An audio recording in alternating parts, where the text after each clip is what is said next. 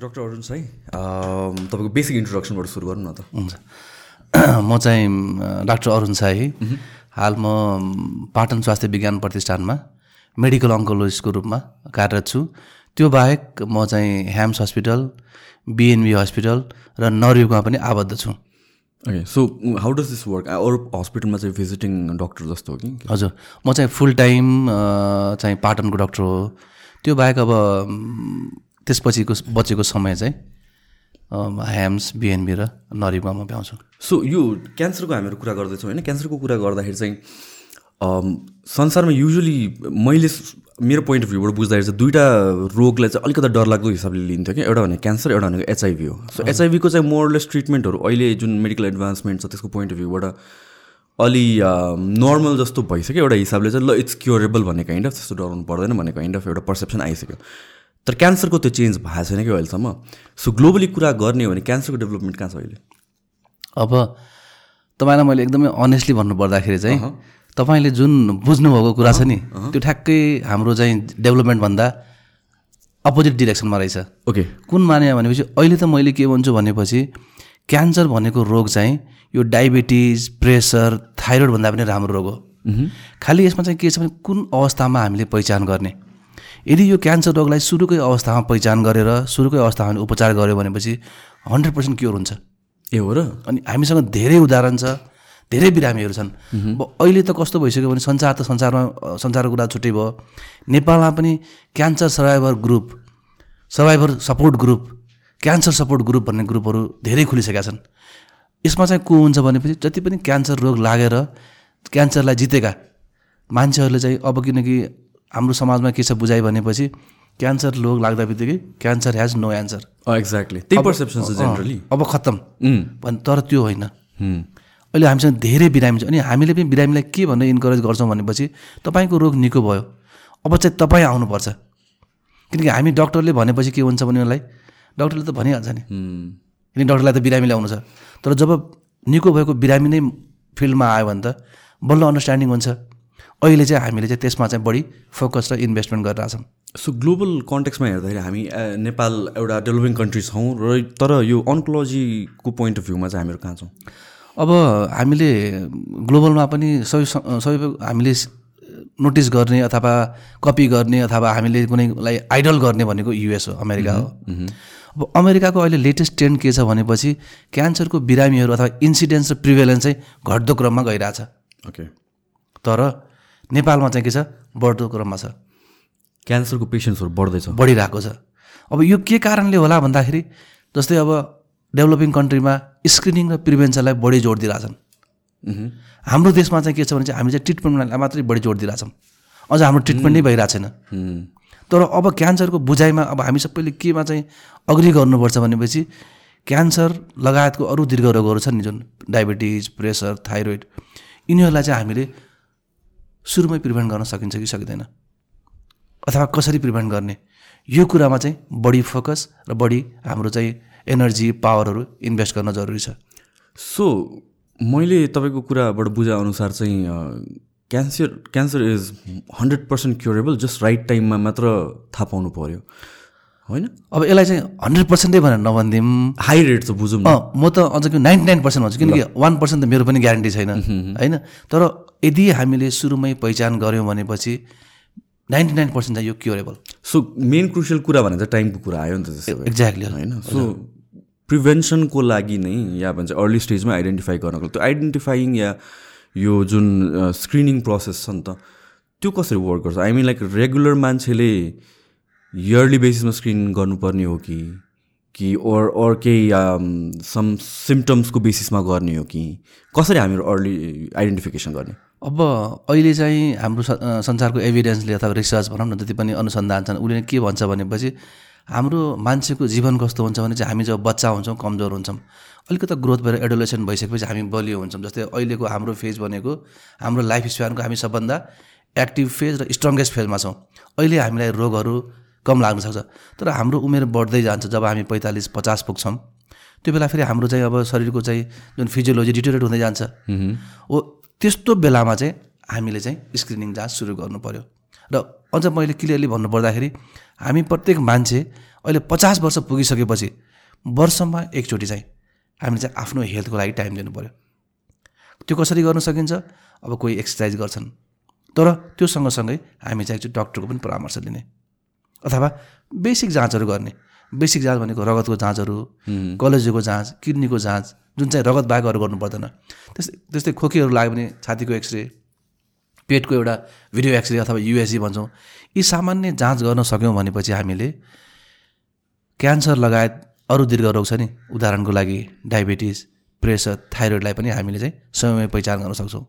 अब कुनै बेला यस्तो थियो कि इन्फेक्सियस डिजिजले गर्दाखेरि धेरै मान्छे मर्थे। हो। अब अहिले त इन्फेक्सियस डिजिज अलमोस्ट कन्ट्रोल भइसक्यो। एक्सेप्ट यो जुन अहिले कोभिडले हामीलाई अलिकति दुःख दियो अब कोभिड पनि अलमोस्ट कन्ट्रोल भइसक्यो। अब हामीलाई दुःख दिने भनेको चाहिँ यो नन कम्युनिकेबल डिजिज अथवा क्रोनिक डिजिज र यसलाई चाहिँ हामी के गर्छौँ? लागिसकेपछि त केही गर्न सकेन त्यही भएर लाग्नुभन्दा पहिला के के काम गर्न सकिन्छ? त्यसमा चाहिँ हामी ध्यान दिन जरुरी छ।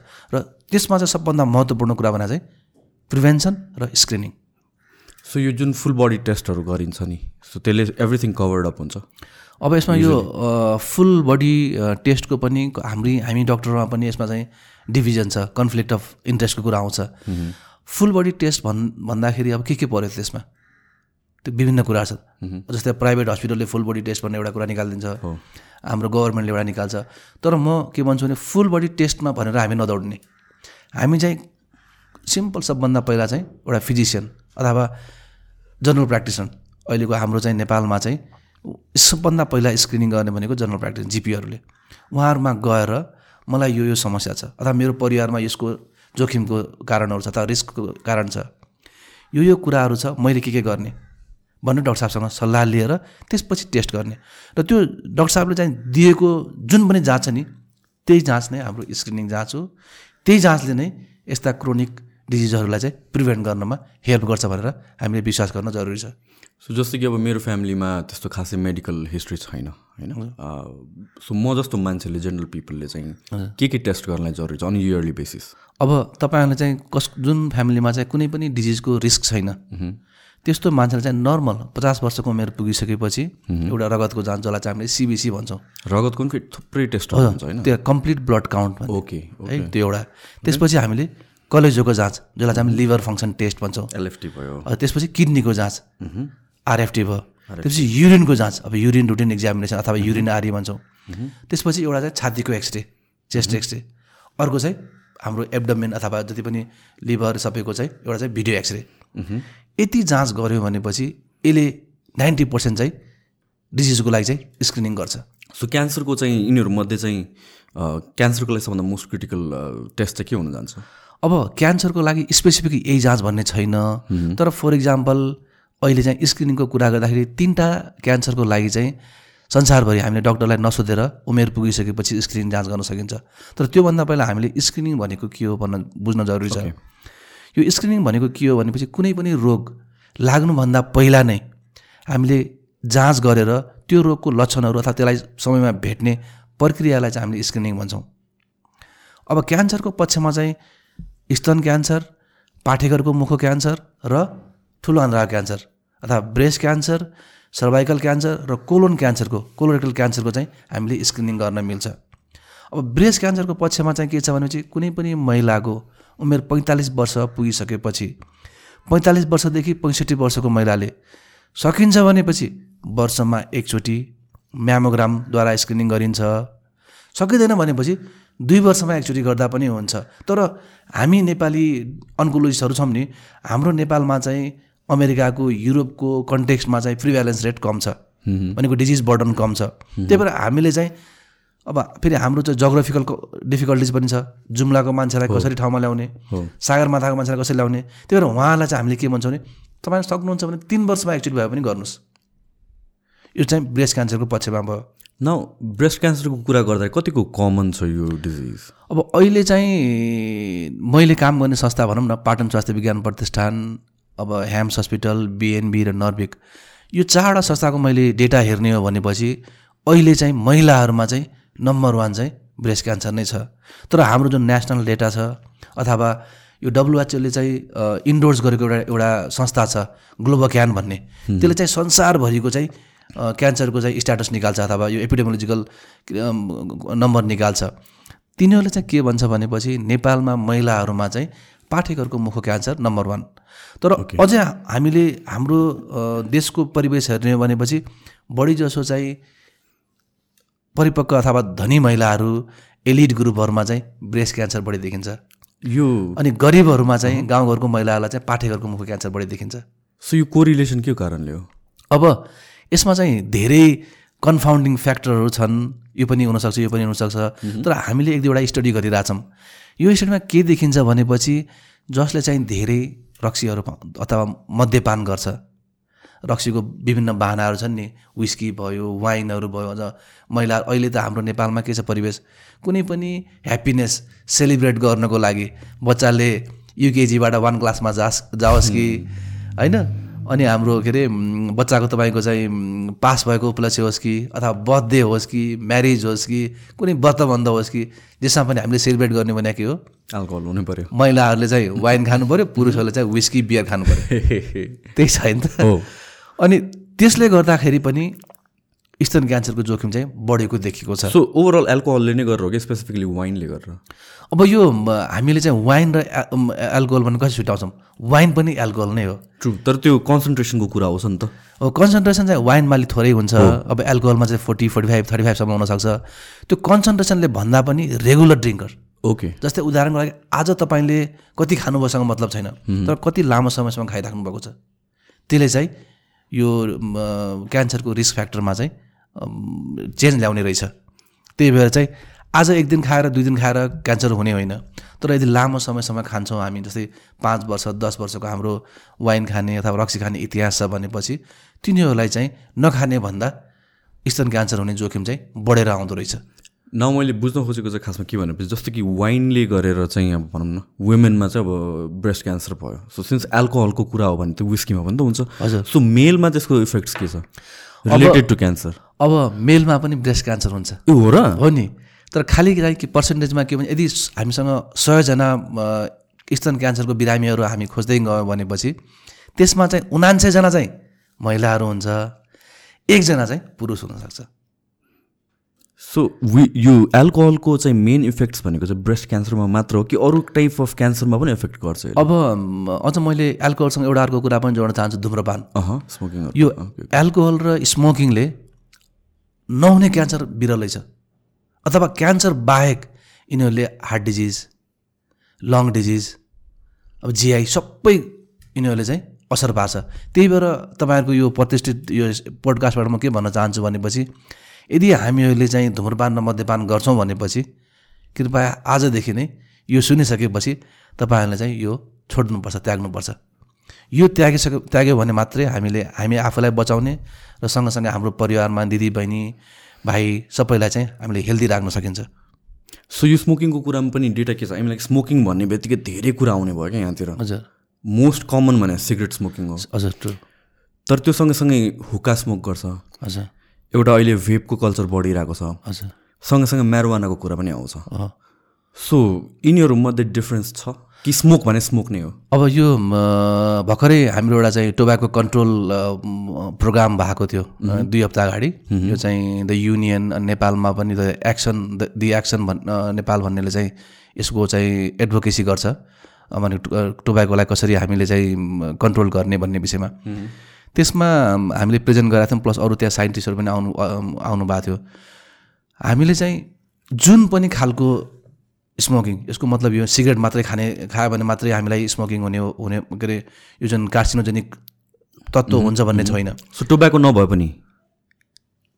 यो सबैमा त टोब्याको नै हुन्छ भेपमा हुन्छ टोब्याको अहिलेको हुँदैन के अरे? त्यो टोब्याको तर टोब्याकोले त्यो- त्यसले चाहिँ एडिक्सन त्यो भेपको बारेमा चाहिँ मलाई पनि छ कि छैन भने थाहा भएन। जस्तो कि अब अर्को कन्ट्रोभर्सियल कुरा के आउँछ भने चाहिँ क्यानबिसको कुरा आउँछ कि? हजुर। विडले गरेर गाँजाले गरेर झन् क्यान्सर ट्रिट हुन्छ भनेर भन्छ। त्यो त्यो कतिको ट्रु हो कि गफै हो त्यो ट्रु हो। अब त्यो त्यसले क्यान्सरलाई निको पार्ने भन्दा पनि त्यो पेन जुन हुन्छ नि क्यान्सरको पेन हुन्छ नि त्यो पेनलाई चाहिँ त्यसले चाहिँ रिड्युस गर्छ अथवा घटाउँछ।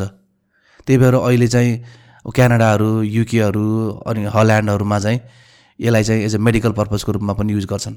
सो यो more like pain pain killer मात्र भयो। त्यो रुट कजलाई चाहिँ यसले हेल्प हजुर यो चाहिँ खालि पेन एलिभेट गर्नको लागि मात्रै।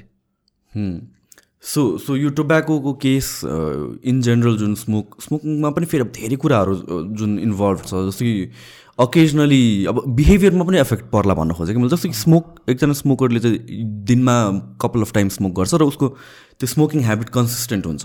होइन? मेबी जसले हुक्का खान्छ वान्स इन अ वाइल्ड गएर उसको त्यो कन्सिस्टेन्ट हुँदैन। मेबी वान्स अ विक गर्ला या वान्स अ मन्थ गर्ला। सो तर तर जुन भनिन्छ नि एउटा कि लाइक हुक्कामा मोर कतिवटा सिगरेट बराबरको ब्याड इफेक्ट्स हुन्छ भनेर। सो त्यो इक्वलाइज भएर जान्छ। एउटा रेगुलर चुरोट खाने मान्छे versus maybe once a week हुक्का स्मोक गर्ने मान्छे। अब यसमा चाहिँ यस्तो छ। अहिले चाहिँ हाम्रो डब्लुएचओले के भन्छ भनेपछि क्विट स्मोकिङ भन्छ। ओके अझ स्मोक नै इन जेनरल छोडिदियो हो अझ उनीहरूले के भन्छ भने चाहिँ अहिले त टु थाउजन्ड ट्वेन्टीदेखि उनीहरूले के भन् भन्छ भनेपछि no amount of alcohol or smoking is good for health पनि इभन तपाईँले हामीले अमाउन्टको कुरा गरिरहेको छ नि हामीले कुनै पनि अमाउन्टको चाहिँ धुम्रपान तथा मद्यपान स्वास्थ्यको लागि राम्रो कुनै पनि मानेमा छैन. यो चाहिँ डब्लुएचओको स्टेटमेन्ट अब यसले कतिको एफेक्ट पार्छ के पार्छ भन्दाखेरि अब कति धेरै मान्छेहरूले यस्तै कुरा सोच्छन् मलाई पनि। डाक्टर साहब मैले त चुरोट पनि खान्थेन रक्सी पनि खान्थेन मलाई क्यान्सर भयो? किन भयो? अझ कतिले त भन्छन् म त एकदमै शुद्ध ब्राह्मण माछा मासु पनि खान्थेन मैले। खालि मैले भेजिटेरियन मात्रै खान्थेँ त्यही पनि मलाई क्यान्सर भयो. तर हामीले चाहिँ के कुरा बुझ्नुपर्छ भनेपछि क्यान्सर हुने हन्ड्रेड पर्सेन्ट कारण यो धुम्रपान र मद्यपान मात्रै होइन। तर हामीले चाहिँ जति पनि यो केस कन्ट्रोल स्टडीहरू भनेको रेट्रोस्पेक्टिभ स्टडीहरू गर्दाखेरि के गर्छौँ भने चाहिँ हामी क्यान्सर भएर आइसकेपछि त्यो बिरामीहरूको चाहिँ इतिहास सोध्छौँ हामीले। तपाईँहरूको चाहिँ जीवनमा के के कस्तो किसिमको लाइफस्टाइल थियो? कतिको चोट खानुहुन्थ्यो कतिको रक्सी खानुहुन्थ्यो कति खानेकुराहरू खान्थ्यो? त्यो गर्दाखेरि अहिले पनि हामीले चाहिँ नब्बेदेखि पन्चानब्बे प्रतिशत क्यान्सरको बिरामीहरूको चाहिँ हिस्ट्रीमा चाहिँ धुम्रपान अथवा मद्यपान चाहिँ सेवन गरिरहेको छन्। तर अब कसै कसैले के भन्छ मैले त कहिले पनि चोट खान्थेन। उहाँले चाहिँ के विचार गर्नुपर्छ भने सेकेन्ड ह्यान्ड स्मोकिङ राइट होइन? हाम हामी बच्चा भएको बेला मेरो बुवाले खाइराख्नु भएको थियो कि? होइन? अथवा हामी लोग्ने मान्छेले खाइरहेको हुन्छ वाइफले खाएको हुँदैन तर सँगै बसिन्छ सँगै सुतिन्छ। त्यो सेकेन्ड ह्यान्ड स्मोकिङ अथवा प्यासिभ स्मोकिङ पनि त्यत्तिकै हार्मफुल छ हाम्रो शरीरको लागि। अनि आई वुड अज्युम बच्चाको डेभलपमेन्टको बेला पोइन्ट अफ पोइन्टमा झन् त्यो झन् क्रिटिकल भएर जान्छ होला। एक्ज्याक्टली अझ स्पेसली लङ यो फोक्सोको राम्रोसँग डेभलपमेन्टै हुँदैन। सो कति कुन एजमा गएपछि डेभलप भइसकेको हुन्छ खास मच्योर अब हामीले चाहिँ यो इतिहास अब सबै भनौँ न डेभलपमेन्टल सुरुबाट नै गर्दाखेरि यो यसको लङको चाहिँ राम्रोसँग डेभलप हुनको लागि चाहिँ तपाईँको एटलिस्ट बत्तिसदेखि ओके। तेत्तिस हप्ताबाट चाहिँ सुरु हुन्छ। त्यसपछि बल्ल होइन होइन त्यहाँबाट चाहिँ हाम्रो चाहिँ यो लङ डेभलपमेन्ट कम्प्लिट डेभलपमेन्ट हुन्छ। अब त्यो बच्चा पेटमै छ भनेपछि यदि आमाले स्मोक गर्नुहुन्छ भने त्यसले चाहिँ बच्चाको चाहिँ ओभरअल डेभलपमेन्टमा पनि असर गर्छ। लङ डेभलपमेन्ट त झनै भइहाल्यो। त्यो जुन फोक्सोभित्र चाहिँ सर्फेक्टेन्ट भन्ने हुन्छ जुन एउटा जेली पदार्थ त्यसले चाहिँ हाम्रो फोक्सोलाई कम फुल्ने र बन्द गराउने जुन गराउँछ नि त्यसको लागि पनि असर गर्छ। त्यो जुन सर्फेक्टेन्ट राम्रोसँग बन्दैन। अर्को त्यो बाहेक चाहिँ अब हाम्रो कति पे मान्छेहरूलाई चाहिँ विभिन्न दम मात्रै सुनेको छौँ हामीले। तर चाहिँ दम भनेको चाहिँ अब्स्ट्रक्टिभ डिजिज भयो। भनेको हाम्रो चाहिँ जुन सास फेर्ने जुन नली हुन्छ नि ब्रोङ यो चाहिँ अब्स्ट्रक्सन हुन्छ। तर त्यहाँ रेस्ट्रिक्टिभ डिजिजहरू पनि छन् जसलाई चाहिँ हामीले डिपिएलडी भन्छौँ डिफ्युज प्यारेङ्कामल लङ डिजिज अथवा इन्टरस्टिसियल लङ डिजिज भन्छौँ। यस्ता डिजिजहरूमा चाहिँ के हुन्छ फोक्सोको आकारै सानो भएर आउँछ। यसको पनि मेन कारण चाहिँ पछाडि चाहिँ यही धुम्रपानको सेवनले नै गर्दा हो। सो यो जुन ग्रोइङ एजमा डेभलपिङ स्टेजमा छ त्यो स्टेजमा चाहिँ त्यो इन्भाइरोमेन्ट त्यो इन्ड्युस भयो भने चाहिँ स्मोक इन्ड्युस भयो भने चाहिँ त्यो फोक्सोको साइज नै डेभलप भएर हुँदैन हजुर साइज पनि साइज भयो प्लस फोक्सोलाई चाहिने जुन कन्टेन्ट हुन्छ नि. त्यो पनि कम्प्लिटली डेभलप हुँदैन। किनकि फोक्सो पनि एउटा सिस्टम हो नि। हो। त्यो सिस्टम राम्रोसँग डेभलप भएन भने त हामीलाई जीवनभरि दमहरू हुने होइन? आजमा चल्नु हामीलाई जम आजमा भन्छौँ सिओपिडी भन्छौँ। हो, यिनीहरू चाहिँ हुन्छ जसले गर्दाखेरि जीवनभरि हामीले चाहिँ दुःख पाउँछौँ। यो kind of information it's so important मलाई लाग्छ। किनभने चाहिँ फर इक्जाम्पल म ड्रिङ्क गर्छु अकेजनली ड्रिङ्क गर्छु होइन? तर I feel like I should understand the risk associated with it त्यसले गरेर मैले चाहिँ डिसाइड गर्न सक्छु मेरो फ्रिक्वेन्सी भनौँ अरू मेरो क्वान्टिटी अरू वर एभर इट इज अरू ड्रिङ्क गर्ने नगर्ने। प्रब्लम कहाँ आउँछ भनेपछि जब यो इन्फर्मेसन नै um, आफ्नो नेरेटिभ अनुसारले बाङ्गिदिन्छ क्या। For example there is saying that दिनको एउटा ड्रिङ्क खानु इट्स गुड फर हेल्थ भनेर भन्छ। त्यो त होइन रहेछ नि त। होइन? जस्तो कि मेरोवानाले क्यान्सर क्योर गर्छ भनेर भन्छ। आई डोन्ट नो अब यो रिसर्च के छ बट देन त्यो त तपाईँले भनेअनुसार चाहिँ त्यसले पेनलाई मात्र सप्रेस गर्ने सो यो यो अरूको लागि नै डिसिजन बनाइदिएर त्यो एउटा मिडियाले एउटा भनौँ न एउटा मिसइन्फर्मेसन फ्याक्ट्रीको जुन रोल प्ले गर्छ। I mean that's very harmful to the society जे हो एक्चुअल त्यो फ्याक्ट प्रेजेन्ट गरिदिनु पऱ्यो and then let the people decide क्यान्सरको कुराहरूमा कुरा गर्दाखेरि चाहिँ like most common form of cancer overall पपुलेसनमा चाहिँ के हो? ग्लोबली कुरा गर्नुपर्छ। अब ग्लोबली पनि सबभन्दा कमन चाहिँ लङ क्यान्सर फोक्सो क्यान्सर नेपालमा पनि सबभन्दा कमन चाहिँ फोक्सो क्यान्सर नै हो। यो अनि it is directly associated with smoking नै? अहिले पनि नाइन्टी पर्सेन्ट अथवा एट्टी टु नाइन्टी पर्सेन्ट भनौँ न lung cancer is due to smoking अथवा अर स्मोकिङ रिलेटेड थिङ्स अथवा सुत्लीजन्य पदार्थ भनौँ न। ओके किनभने चाहिँ वान अफ दिस स्ट्याटिस्टिक्स छ कि नेपाल स्पेसली काठमाडौँ भनौँ न काठमाडौँ चाहिँ it's one of the most polluted city in the world so यो जुन एयर क्वालिटी छ जुन यो इन्भाइरोमेन्ट छ त्यसले गरेर इन्डिरेक्टली मान्छेहरूलाई क्यान्सर कज गर्ने केही त्यस्तो फ्याक्टर देखिएको छ कि एक्ज्याक्टली छ। किनकि अहिले पनि एयरमा पनि हजारौँ किसिमको चाहिँ यो चाहिँ कार्सिनोजेन भन्छौँ। यस्तो केमिकलहरू छ जस्तै कार्बन मोनोक्साइडहरू भयो नाइट्राइड्सहरू भयो जुन चाहिँ स्मोकिङमा पनि पाउँछ यिनीहरूले चाहिँ फोक्सोमा गइसकेपछि यो चाहिँ जुन हाम्रो क्यान्सरलाई चाहिँ बनाउने जुन प्रक्रिया छ नि त्यसलाई इन्ड्युस गर्छ अथवा त्यो क्याटालिस्टको काम गर्छ जसले गर्दाखेरि चाहिँ क्यान्सर हुन्छ त्यो चाहिँ प्रुभ भइसकेको छ अनि यो इस्टाब्लिस पनि भइसकेको छ। त्यो सँगसँगै नयाँ नयाँ घर बनिरहेको जस्तो हामीले एसबेस्टोसिस भन्छौँ ऱ्याडोन भन्छौँ यिनीहरूले गर्दाखेरि पनि लङ क्यान्सर हुन्छ। त्यसै गरेर पहिला पहिला हाम्रो बेलामा हाम्रो टिचरहरूले त चकले पढाउनुहुन्थ्यो। त्यति बेला यो मार्करको सिस्टम थिएन पावर पोइन्ट स्लाइडहरू थिएनन्। त्यो त टिचरले जुन त्यो के भन्छ त्यसलाई? च- चकलेट चक्कु धुलो पढाउनुहुन्थ्यो धुलो आफै लिनुहुन्थ्यो। र अहिले मैले धेरै बिरामीहरू पनि लङ क्यान्सरको बिरामीहरू उहाँहरूको इतिहास सोध्दै जाँदाखेरि चाहिँ म त कुनै बेलामा त टिचिङ गर्थेँ। अनि तपाईँ केले पढाउनुहुन्थ्यो सर? भने म त चकले पढाउँथेँ। भने चकको कारणले गर्दाखेरि पनि यो हाम्रो फोक्सो क्यान्सरको जोखिम बढेर गएको छ। जस्तो कि थिङ्स लाइक चक भयो नि त यसमा पनि कार्सिनोजेनिक स्टफ भनेर हुन्छ कि it is just solely due to dust होइन। There are all the dust अब सबै डस्टले त हामीलाई क्या- क्यान्सर बनाउँदैन। तर चकहरूमा पनि कार्सिनोजेन हुन्छ त्यसमा। त्यही कारणले गर्दाखेरि अहिले चाहिँ मलाई लाग्छ नेपालमा सरकारले नै यो चाहिँ चकले नपढाउने मार्करले पढाउने भनेर यो सरकारी स्तरबाट नै यो घोषणा भइसकेको छ। र यो जुन एयरको पनि कुरा गऱ्यो नि त air quality one of the main factors भनेको of course there is vehicles अनि कार्बन बर्निङ अनि यो कुराहरू कार्बन। मोनोक्साइडहरू त? त्यो त डिरेक्टली रिलेटेड टु क्यान्सर नै भएर but apart from that one of the major cause of pollution मैले देखेको इज जुन चाहिँ ऱ्यान्डमली जहाँ पाए त्यहीँ भत्काउन थाल्यो अनि त्यसपछि धुलो पा पारेर छोडिदियो कि। त्यो भनेको त इट्स जस्ट डस्ट अगेन त्यो डस्टमा पनि कार्सिनोजन हुन्छ हो अब त्यो इँटाहरूबाट निस्किनलाई चाहिँ रेडोन भन्छ। आरएडिओएन अब त्यसको प्रोनाउन्सिएसन फरक होला। त ऱ्याडोन त्यो ऱ्याडोन पनि क्यान्सर कजिङ कार्सिनोजेन हो। अनि त्यही भएर चाहिँ यो स्टडी चाहिँ न्युयोर्कमा भएको थियो पहिला। जब चाहिँ न्युयोर्कको चाहिँ यसलाई चाहिँ इन्डस्ट्रियलाइज सिटी बनाउँदाखेरि पहिला त हामी सबै त एउटै स्टेजबाट अगाडि बढ्यौँ। हो। एक डे- एक डेढ सय एक डेढ सय वर्ष अगाडि चाहिँ न्युयोर्कको जब रिभोल्युसन भएर इन्डस्ट्रियलाइज त्यो गर्दाखेरि चाहिँ त्यहाँ चाहिँ धेरै जुन मान्छेहरूलाई चाहिँ लङ क्यान्सर भयो। अनि तिनीहरूको चाहिँ रेट्रोस्पेक्टिभ स्टडी गर्दाखेरि के पाइयो भने चाहिँ त्यो लङ क्यान्सर हुने धेरै मान्छेहरू चाहिँ यो चाहिँ यो डेभलपमेन्ट जुन घर बनाउने काममा चाहिँ इन्भल्भ भएको रहेछन्। त्यही भएर हामीले पनि बिरामीहरूलाई सल्लाह दिँदाखेरि चाहिँ के भन्छ भने चाहिँ धेरै यो मर्मतहरू भइरहेको ठाउँमा धेरै नजाने जानै पऱ्यो भने पनि मास्क लगाएर चाहिँ जानुहोला भन्ने सल्लाह दिन्छौँ। न अगेन मास्कको कुरा गर्दाखेरि चाहिँ विथ कोभिड एन्ड एभ्रिथिङ अलिकति अर्को डिबेट आयो।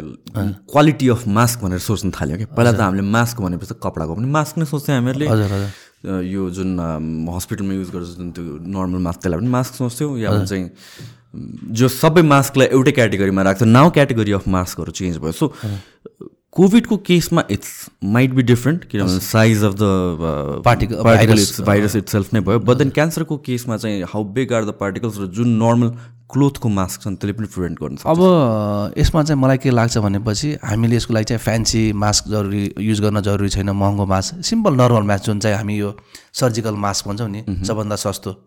त्यो लगाएर हिँड्दाखेरि इट्स सेफ वरबाट कपडाको मास्कहरू कपडाको मास्क लाउँदा पनि सेफ हुन्छ। हाम्रो खालि कन्सर्न के हुनुपर्छ भनेपछि त्यो मास्क लाउँदाखेरि चाहिँ बिरामीलाई अथवा जसले लगाइरहेछ उसलाई चाहिँ सफोकेसन नहोस् सास फेर्न अप्ठ्यारो नहोस्। र यदि त्यसले चाहिँ डाइरेक्ट आएको जुन यो डस्टहरूलाई चाहिँ रोक्छ प्रिभेन्ट गर्छ भनेपछि द्याट इज सेफ अगेन यो जुन यो सास रोक्ने कुरा गर्नुभयो होइन अलिक अलिकति अप्ठ्यारो हुन्छ।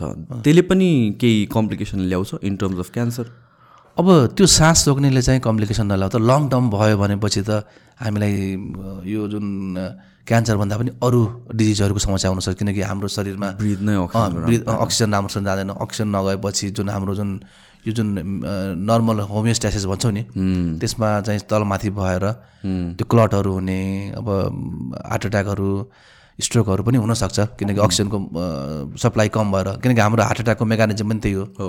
अक्सिजन सप्लाई सप्लाई र डिमान्ड नपुगेपछि हुने हो। हो। त्यही भएर त्यो पनि हामीलाई इनफ मात्रामा लिन जरुरी छ। Again this is out of context यो हाम्रो क्यान्सरको भन्दा पनि तर यो चाहिँ डिबेट कहिले आएको थियो भने अगेन यो कोभिडको बेलामा। मास्कले जस्तो एन नाइन्टी फाइभ मास्कहरूले पार्टिकल्सहरू त प्रिभेन्ट गर्ला बट देन अरू कुराहरू निम्त्याउला जस्तै माइकार्डाइटिसहरूको यताउतिको हिस्ट्रीहरू लङ टर्मसम्म डेभलपिङ बच्चाहरूलाई मास्क स्कुलमा जाँदाखेरि मास्क लगाएर पठाउने कि नपठाउने इन जेनरल हामीहरू ओपन स्पेसमा हिँड्दाखेरि मास्क लगाउने कि नलाउने एन नाइन्टी फाइभहरू भन्ने चाहिँ एउटा कुरा आएको थियो त्यो भएर मैले सोधिहालेँ त्यो एकदमै राम्रो कुरा पनि हो। तर हाम्रो अल्टिमेट गोल के चाहिँ के हुनुहुन्छ भनेपछि हामीले मास्क लगाउने भनेको हामीले आफूलाई अप्ठ्यारो गराउन लाउने होइन। हामीले जे लगाए पनि सजिलो बनाउनु पऱ्यो हो। यदि हामीलाई सजिलो हुन्छ कम्फर्ट हुन्छ भने we can use any kind of mask in terms of क्यान्सरको कुरा गर्दाखेरि चाहिँ हामीहरू कतिको सक्षम छौँ नेपाल एज अ कन्ट्री किनभने चाहिँ कतिवटा डिजिजहरूको लागि हामीहरू होइन इन्डियामै जानुपर्छ भन्ने काइन्ड अफ एउटा छ। बिलिफ छ इन्डिया पनि भएन भने बाहिर गइन्छ ट्रिटमेन्टको लागि। तर एज अ क्यान्सर पेसेन्ट भनौँ न नेपालमै ट्रिटमेन्ट हन्ड्रेड पर्सेन्ट उसको बाहिरको जत्तिकै स्ट्यान्डर्डको पाउँछ भनेर ग्यारेन्टी गर्न सक्छौँ कि कहाँ छौँ त्यही। अब फेरि म तपाईँलाई एउटा कुरा भन्न चाहन्छु। क्यान्सर भन्दा बित्तिकै जब क्यान्सरको उपचारको कुरा आउँछ नि हामीले जहिले पनि स्टेजको कुरा गर्छौँ। ओके सो स्टेजको स्टेजमा जाउँ न त हामी। होइन. स्टेजको कुरा आउँछ। ओके यसमा चाहिँ के हुन्छ stage zero one two three र फोर ओके यदि स्टेज जिरोदेखि स्टेज थ्रीसम्म छ भनेपछि हन्ड्रेड पर्सेन्ट हामीले यहीँ उपचार गर्छौँ। नेपालमै गर्छौँ। स्टेज फोरको कुरा छ। स्टेज फोर भनेको कस्तो कन्डिसन हो भनेपछि यसमा चाहिँ क्योर हुने सम्भावना एकदमै न्यून हुन्छ। Less than five to ten percent.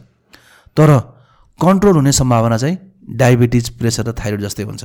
अहिलेको जुन हाम्रो मेडिकल साइन्सको डेभलपमेन्टले गर्दाखेरि। तर अझै हामीले stage zero one two three र स्टेज फोर कम्पेयर गऱ्यौँ भनेपछि वान टू थ्रीलाई हामी के भन्छौँ?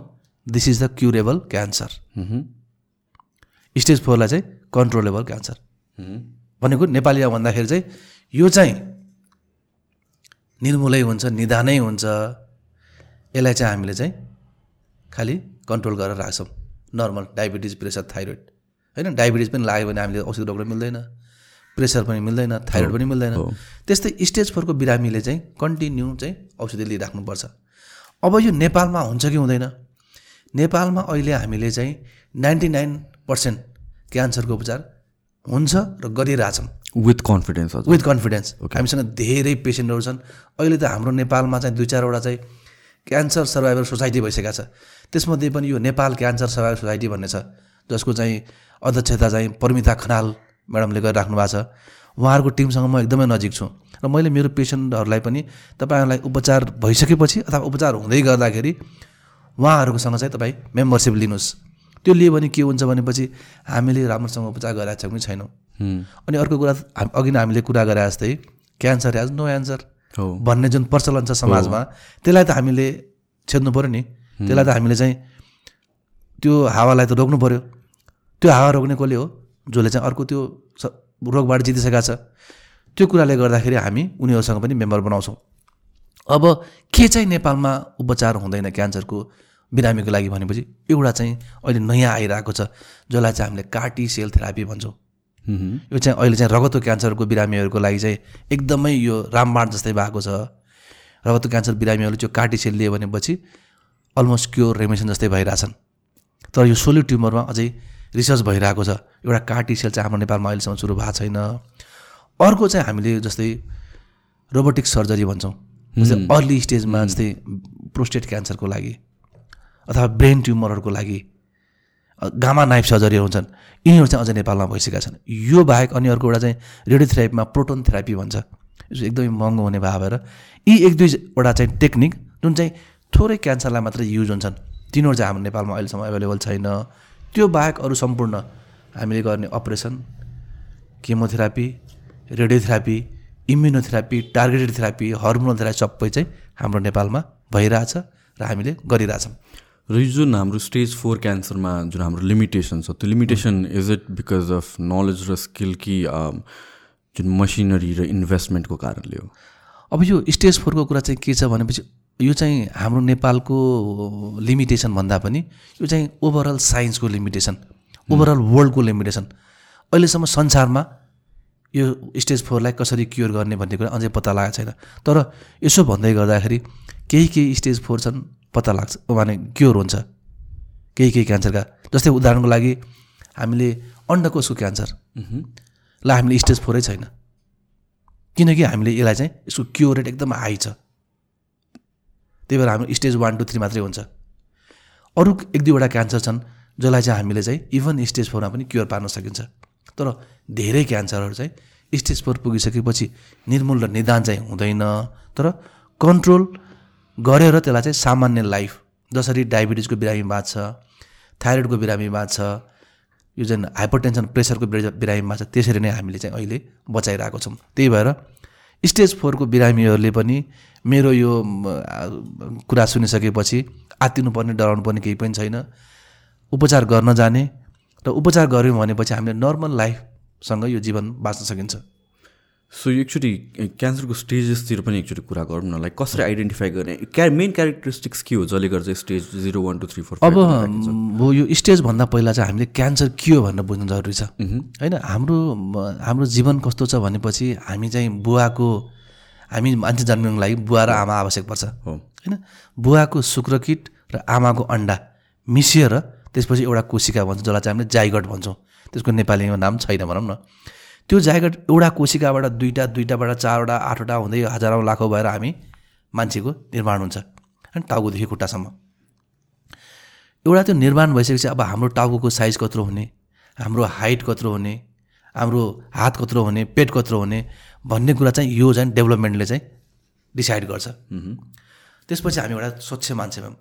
तर हाम्रोमा चाहिँ के हुन्छ भनेपछि तिनवटा कुरा हुन्छ क्यान्सरमा चाहिँ। एउटा चाहिँ हाम्रो ग्रोथको कुरा भयो।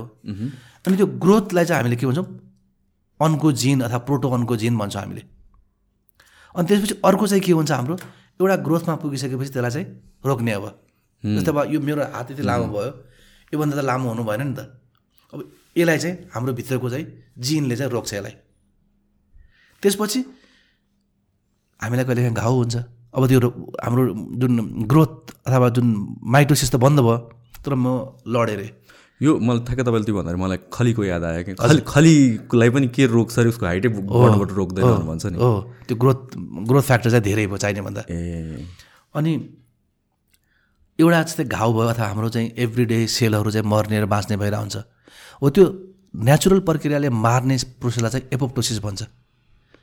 भनेको यो प्रोग्राम सेल डेथ किनकि हाम्रोमा त जस्तै खाना खान्छौँ हामी हाम्रो चाहिँ फ्रिक्सनले गर्दाखेरि हाम्रो जिब्रोमा जिब्रोको कोशिकाहरू मर्ने बाँच्ने हुन्छ जस्तै कपाल। आज काट्छौँ भोलि आउँछ ग्रोथ त भइरहेको हुन्छ नि हो। हो यो तिनवटा सिस्टममा जबसम्म ब्यालेन्स छ तबसम्म हामी हेल्दी छौँ। यो तिनवटामा कुनै पनि समस्या भयो भनेपछि के हुन्छ? अनकन्ट्रोल अनवान्टेड ग्रोथ हुन्छ। र यो अनकन्ट्रोल अनवान्टेड ग्रोथ नै क्यान्सर हो. र नेपालीमा भन्नुपर्दाखेरि चाहिँ हाम्रो शरीरको जुन कोशिकाहरूको अनियन्त्रित भएर विभाजित हुने। अब यो अनियन्त्रित भएर विभाजित हुने क्रममा हामीले सुरुकै अवस्थामा पहिचान गऱ्यौँ। यसले काहीँ पनि गएको छ जस्तो यो तपाईँको यो कोशिका भयो यहाँतिर बेसमेन्ट मेमोरी हुन्छ। यो कोशिका यतिमा मात्रै विभाजन भएको हामीले समा पत्ता लाग्यो भनेपछि यसलाई चाहिँ हामीले स्टेज जिरो भन्छौँ। ओके। अथवा यसलाई चाहिँ कार्सिनोमा इन सिटु भन्छ हामीले। ट्युमर भनेको ट्युमर भनेको नै अनकन्ट्रोल अनवान्टेड ग्रोथ। सो त्यो स्टेजको बेसिसमा छ कि छैन? छ त्यही त। सो स्टेज जिरोलाई नै हामीले ट्युमर भन्छौँ। होइन tumour is a whole tumour. Cancer is also tumour. तर ट्युमरलाई चाहिँ दुई भागमा विभाजन गरिन्छ। एउटा चाहिँ बेनाइन क्यान्सर अर्को चाहिँ मेलिग्नेन्ट क्यान्सर अनि म जुन डाक्टर हो यो चाहिँ मेलिग्नेन्ट क्यान्सरको लागि। यो बेनाइन भनेको जस्तै हाम्रो शरीर आत्मा सानो मुसा आउँछ गिर्खाहरू आउँछ। ओके जुन जसले चाहिँ केही पनि हार्म गर्दैन काम गर्दैन। त्यो चाहिँ बेनाइन ट्युमर भयो। कुनै पनि ग्रोथलाई Hmm. अनकन्ट्रोल हाम्रो त मा मासु पनि त के त्यो मुसा पनि त हामीलाई चाहिँदैन नि। त्यो जुन वार्ड भन्छौँ नि त्यो हामीलाई चाहिँदैन नि त। त्यो अनकन्ट्रोल र अनवान्टेड भयो नि त। त्यही भएर चाहिँ तर यदि चाहिँ त्यो मुसाले चाहिँ त्यो ठाउँबाट चाहिँ ट्राभल गरेर अर्को ठाउँमा गयो। मानव फर इक्जाम्पल लङको केस कुरा गरौँ। सबभन्दा मोस्ट फ्रिक्वेन्ट फोक्सो क्यान्सर यदि फोक्सोको कोशिकाहरू चाहिँ अनियन्त्रित भएर विभाजित भयो त्यो विभाजित भएर फोक्सोबाट चाहिँ कलेजोमा गयो अथवा टाउकोमा गयो भनेपछि यो चाहिँ स्टेज फोरको क्यान्सर भयो।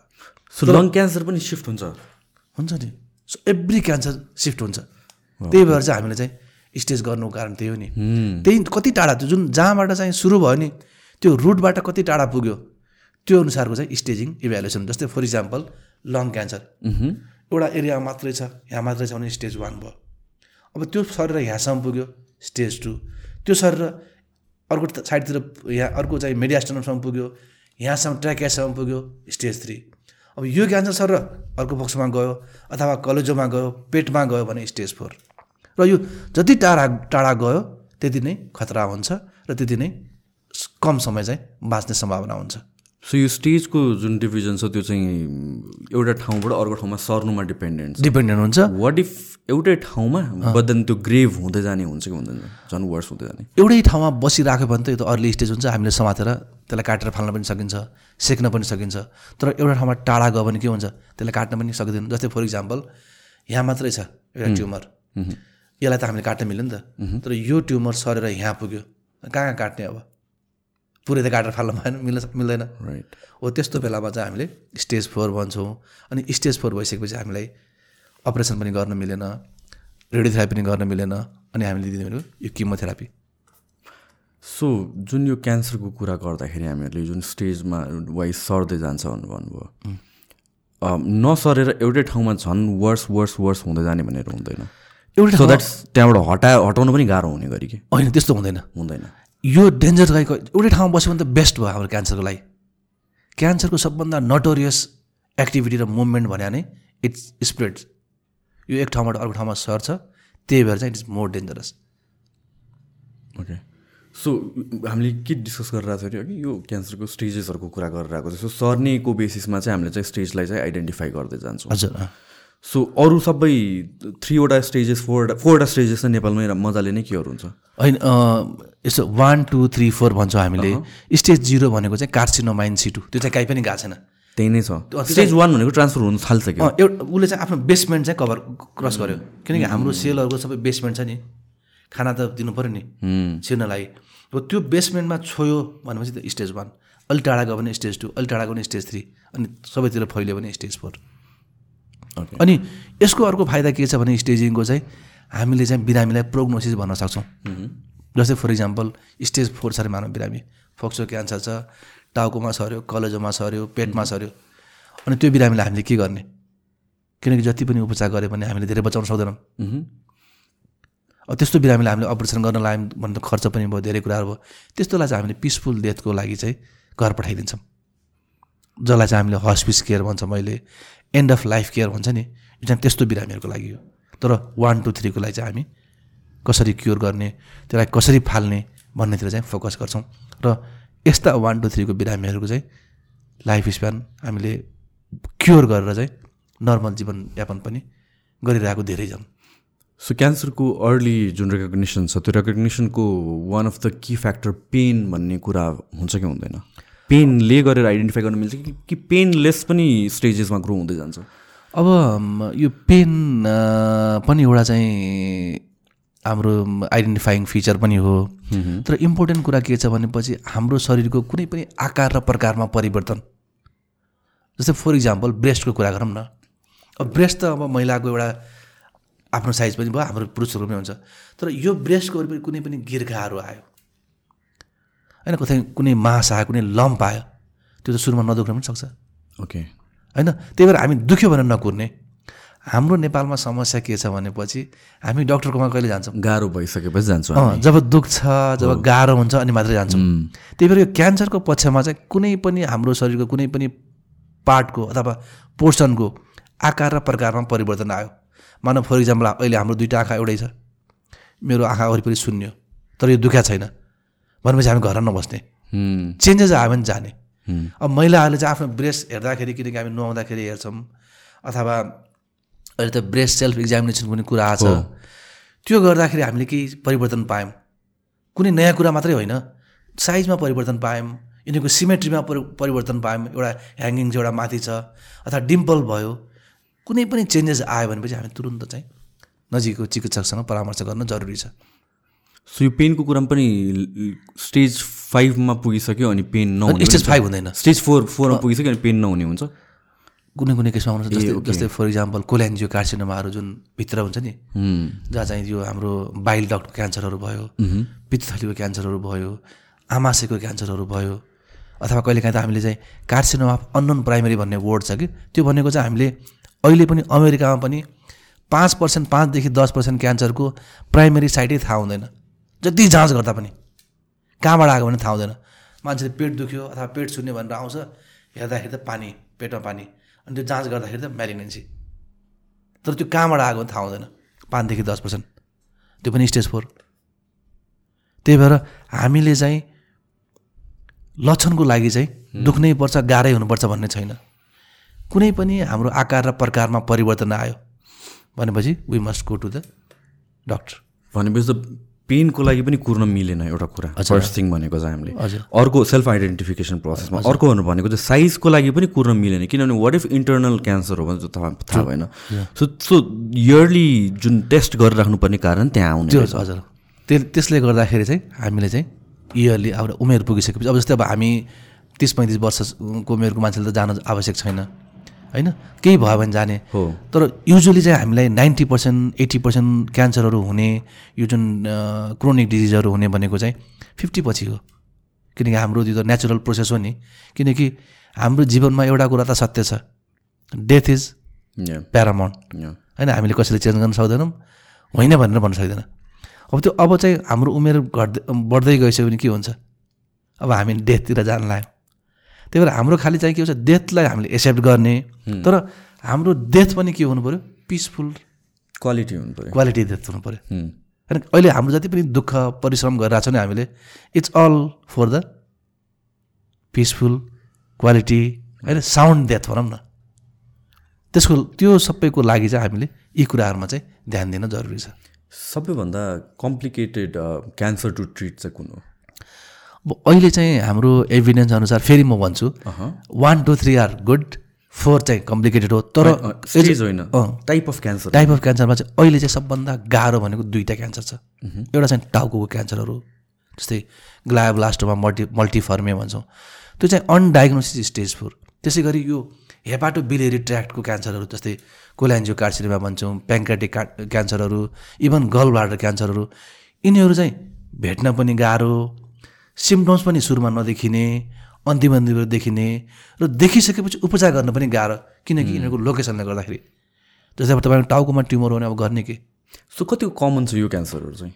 अब अहिले पनि हाम्रो नेपालमा चाहिँ जस्तै पित्तथलीको क्यान्सर भनौँ न जस्तै गल ब्लाडर क्यान्सर चाहिँ थर्ड फोर्थ मस्ट कमन आउँछ फिमेलमा।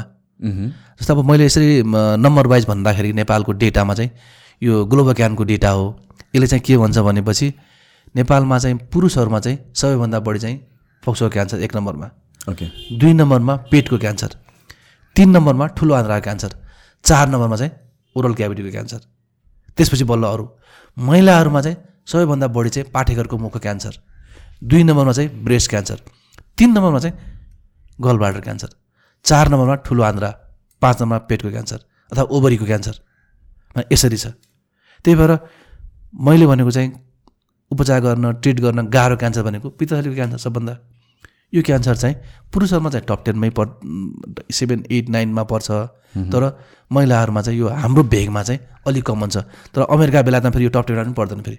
ओके के कारणले होला यो? हामीमा चाहिँ चिल्लो खान्छौँ नि हामीले। ए। चिल्लो अमिलो धेरै खानेहरूलाई चाहिँ यो गलबाडले किनकि हाम्रो त्यो फ्याटलाई चाहिँ मेटाबलाइज अथवा ब्यालेन्स गर्ने त गलबारबाट निस्किने बाइल जुसले हो नि त। त्यसले गर्दाखेरि चाहिँ धेरै भएको भनेर अहिलेको स्टडीहरूले चाहिँ देखाइरहेको छ। ए सो अलिकति अर्को अलिक डिफ्रेन्ट कुरा गरौँ। जुन यो क्यान्सरको अन्कोलोजी डिपार्टमेन्ट तपाईँले स्टार्ट गर्नुभएको हुनु भन्नुभयो वान अफ द अ- अनुकूल अ, उसमा पाटनमा पाटनमा चाहिँ। रिसेन्टली नै भएको। हो यो टु थाउजन्ड नाइन्टिन हामीले जुनबाट सुरु गऱ्यौँ तर अब यसमा चाहिँ काम गर्ने मान्छे म भएँ होइन? अब मैले चाहिँ सबभन्दा पहिला चाहिँ यो डिपार्टमेन्टको कुरा गर्दाखेरि चाहिँ हाम्रो यो पाटनको चाहिँ जुन म्यानेजमेन्टको टिमलाई चाहिँ मैले धन्यवाद भन्नुपर्छ। किनकि उहाँहरूले त्यो फ्युचर देख्नुभयो नि त। यस्तो क्यान्सरको जुन बिरामीहरूले त्यो दुःख पाइरहेको बेलामा चाहिँ पाटन जस्तो पब्लिक हस्पिटल अझ one of the best tertiary hospital हो नि त पाटन स्वास्थ्य विज्ञान प्रतिष्ठान भनेको। यहाँ चाहिँ हाम्रो प्रत्येक वर्ष तपाईँको एक सयदेखि डेढ सयजना एमबिबिएस विद्यार्थी हुन्छन्। त्यसै गरी एमडी गर्ने विद्यार्थीहरू छन् पैँतिस चालिसजना एमडी गर्ने विद्यार्थीहरू हुन्छन्। त्यसै गरी यहाँ स्कुल अफ पब्लिक हेल्थ छ स्कुल अफ नर्सिङ छ। यस्तो ठुलो अस्पतालमा एउटा क्यान्सरको डिपार्टमेन्ट भएन भने त यो त इन्कम्प्लिट भयो नि। हामीले त नयाँ जेनेरेसन सिकाउनु एब्सेन्ट हुनुको कारण के हो? मैले ठ्याक्क त्यही सोध्नु थिएँ। अब यो एब्सेन्ट हुनुको कारण के हो? धेरै पहिला चाहिँ क्यान्सरको पढाइ हुन्थेन। होइन क्यान्सरै विषय पढ्ने भन्ने धेरै कम थिए। पढाइ नै हुन्थेन संसारभरि। पहिले पहिलेको हाम्रो सिनियर डाक्टर साहबहरू हुनुहुन्छ उहाँहरू चाहिँ फेलोसिप र ट्रेनिङ गरेर आउनुभएको। अब हाम्रो भनौँ न यो भर्खरै टु थाउजन्ड पछि अथवा टु थाउजन्ड टेन इलेभेन पछि चाहिँ नेपालमा बङ्गलादेशमा पाकिस्तानमा सब कन्ट्रीमा चाहिँ यो मेडिकल अन्कोलोजी भन्ने विषय चाहिँ पढाइ हुन सुरु भयो। अनि त्यो पढेर आउने चाहिँ बङ्गलादेशबाट पढेर आउने म चाहिँ पहिलो मान्छे हो। अब मलाई लाग्छ म्यान पावरको कमीले अहिले पनि हामीसँग चाहिँ अन्कोलोजीमा थोरै मान्छेहरू छौँ हामीहरू। इन जेनरल नेपालभरि नै। नेपालभरि नै। अझ संसारभरि भन्दा पनि हुन्छ। किनकि त पछि आएको जस्तै अन्कोलोजीको कुराहरू भयो रिमाटोलोजिस्टहरू भयो इन्डोक्राइनोलोजिस्टहरू इभन न्युरोलोजिस्टहरू यिनीहरू चाहिँ अहिले पनि सङ्ख्या कम छ। अनि त्यो कारणले मलाई चाहिँ म्यान पावर नपाए पनि नपाएर पनि होला। अनि म आइसकेपछि मैले पाटनमा ठ्याक्क अब त्यहाँ मैले अप्रोच गर्दाखेरि त्यो खुली पनि रहेछ। मैले अप्लाई गरेर त्यहाँबाट त्यहाँ जोइन गरेँ। त्यसपछि अनि हाम्रो चाहिँ अफिसियली सुरु भयो। तर म आइसकेपछि मात्रै अफिसियली हामीले केमो दिन सुरु गऱ्यौँ। तर त्योभन्दा अगाडि पनि पाटन हस्पिटलको चाहिँ इतिहास त लामो छ नि। एकदम गौरव गर्न लागेको इतिहास छ। पहिले पहिले चाहिँ त्यहाँ के थियो? बिस वर्ष अगाडि टु थाउजन्ड मलाई लाग्छ नाइन्टिन नाइन्टी नाइन अथवा टु थाउजन्डदेखि एउटा म्याक्स फाउन्डेसन भन्ने अमेरिकाको एउटा संस्था छ। त्यसमा चाहिँ हाम्रो एकजना प्रोफेसर हुनुहुन्छ अमेरिकन प्रोफेसर मार्क जिमोम्यान उहाँले पनि नेपालमा काम गरेको लगभग पैँतिस चालिस वर्ष भइसक्यो। उहाँको इनिसिएसनमा त्यो म्याक्स फाउन्डेसनले चाहिँ हाम्रो नेपालीहरूलाई चाहिँ केही क्यान्सरका रोगका औषधिहरू चाहिँ फ्रीमा दिन्छ। जसको चाहिँ अहिले चाहिँ लिडिङ चाहिँ हाम्रो प्रोफेसर ज्ञान छले गरेर राख्नु भएको छ। त्यसै गरी यो सोलिड ट्युमरहरूमा चाहिँ मैले गर्छु। हेमाटोलोजीमा चाहिँ हाम्रो डक्टर मिप्साङ भन्ने हुनुहुन्छ। उहाँले गर्नुहुन्छ। अब हामीलाई चाहिँ उनीहरूले के के औषधि फ्रीमा दिन्छन् भनेपछि एउटा चाहिँ एक किसिमको रगतको क्यान्सर जसलाई चाहिँ हामीले सिएमएल भन्छौँ। त्यसको सम्पूर्ण औषधि हामीले इमाटिनिमबाट सुरु गरेर डासाटिनिम निलोटिनिम पोनाटिनिमसम्मको त्यो फ्री औषधि हुन्छ। त्यसै गरेर एक किसिमको पेटको क्यान्सर जसलाई चाहिँ हामीले जिस्ट भन्छौँ। त्यसको पनि औषधि फ्रीमा छ। त्यसै गरी एक किसिमको फोक्सोको क्यान्सर जुन चाहिँ एएलके पोजिटिभ र रोज वान पोजिटिभ किनकि हामीले बुझ्दाखेरि त फोक्सो क्यान्सर मात्रै भन्छौँ। तर त्योभित्र पनि धेरै किसिमको क्यान्सर छ। त्यसमध्येको चाहिँ एएलके र रोज वान पोजिटिभ भएको बिरामीहरूले चाहिँ त्यो औषधि फ्रीमा पाउँछन्। त्यसै गरी एक किसिमको किडनीको क्यान्सर। त्यो क्यान्सरको बिरामीहरूले पनि त्यो औषधि फ्रीमा पाउँछन्। जुन औषधि चाहिँ तपाईँले बाहिरै किन्नुभयो भनेपछि पच्चिस तिस हजारदेखि लिएर आठ दस लाखसम्मका औषधिहरू छन्। यो कति कति पिरियडको डोजको लागि पर्छ त्यो चाहिँ जीवनभरिको लागि दिन्छ उनीहरूले। ओके। जबसम्म डिजिज प्रोग्रेसन हुँदैन अहिले हामीसँग लगभग पन्ध्र सयदेखि दुई हजार करिब करिब बिरामीहरूले चाहिँ त्यो सुविधा लिइरहेको छन्। सो यो यो यो जुन यो मेडिकेसन फ्रीमा प्रोभाइड गर्ने कुरा भयो यो चाहिँ is it some kind of funding हो कि बाहिरबाट मेडिसिनहरू नै पठाउने हो कि? हाउ डज दिस वर्क यो चाहिँ उहाँले चाहिँ औषधि नै पठाउनुहुन्छ।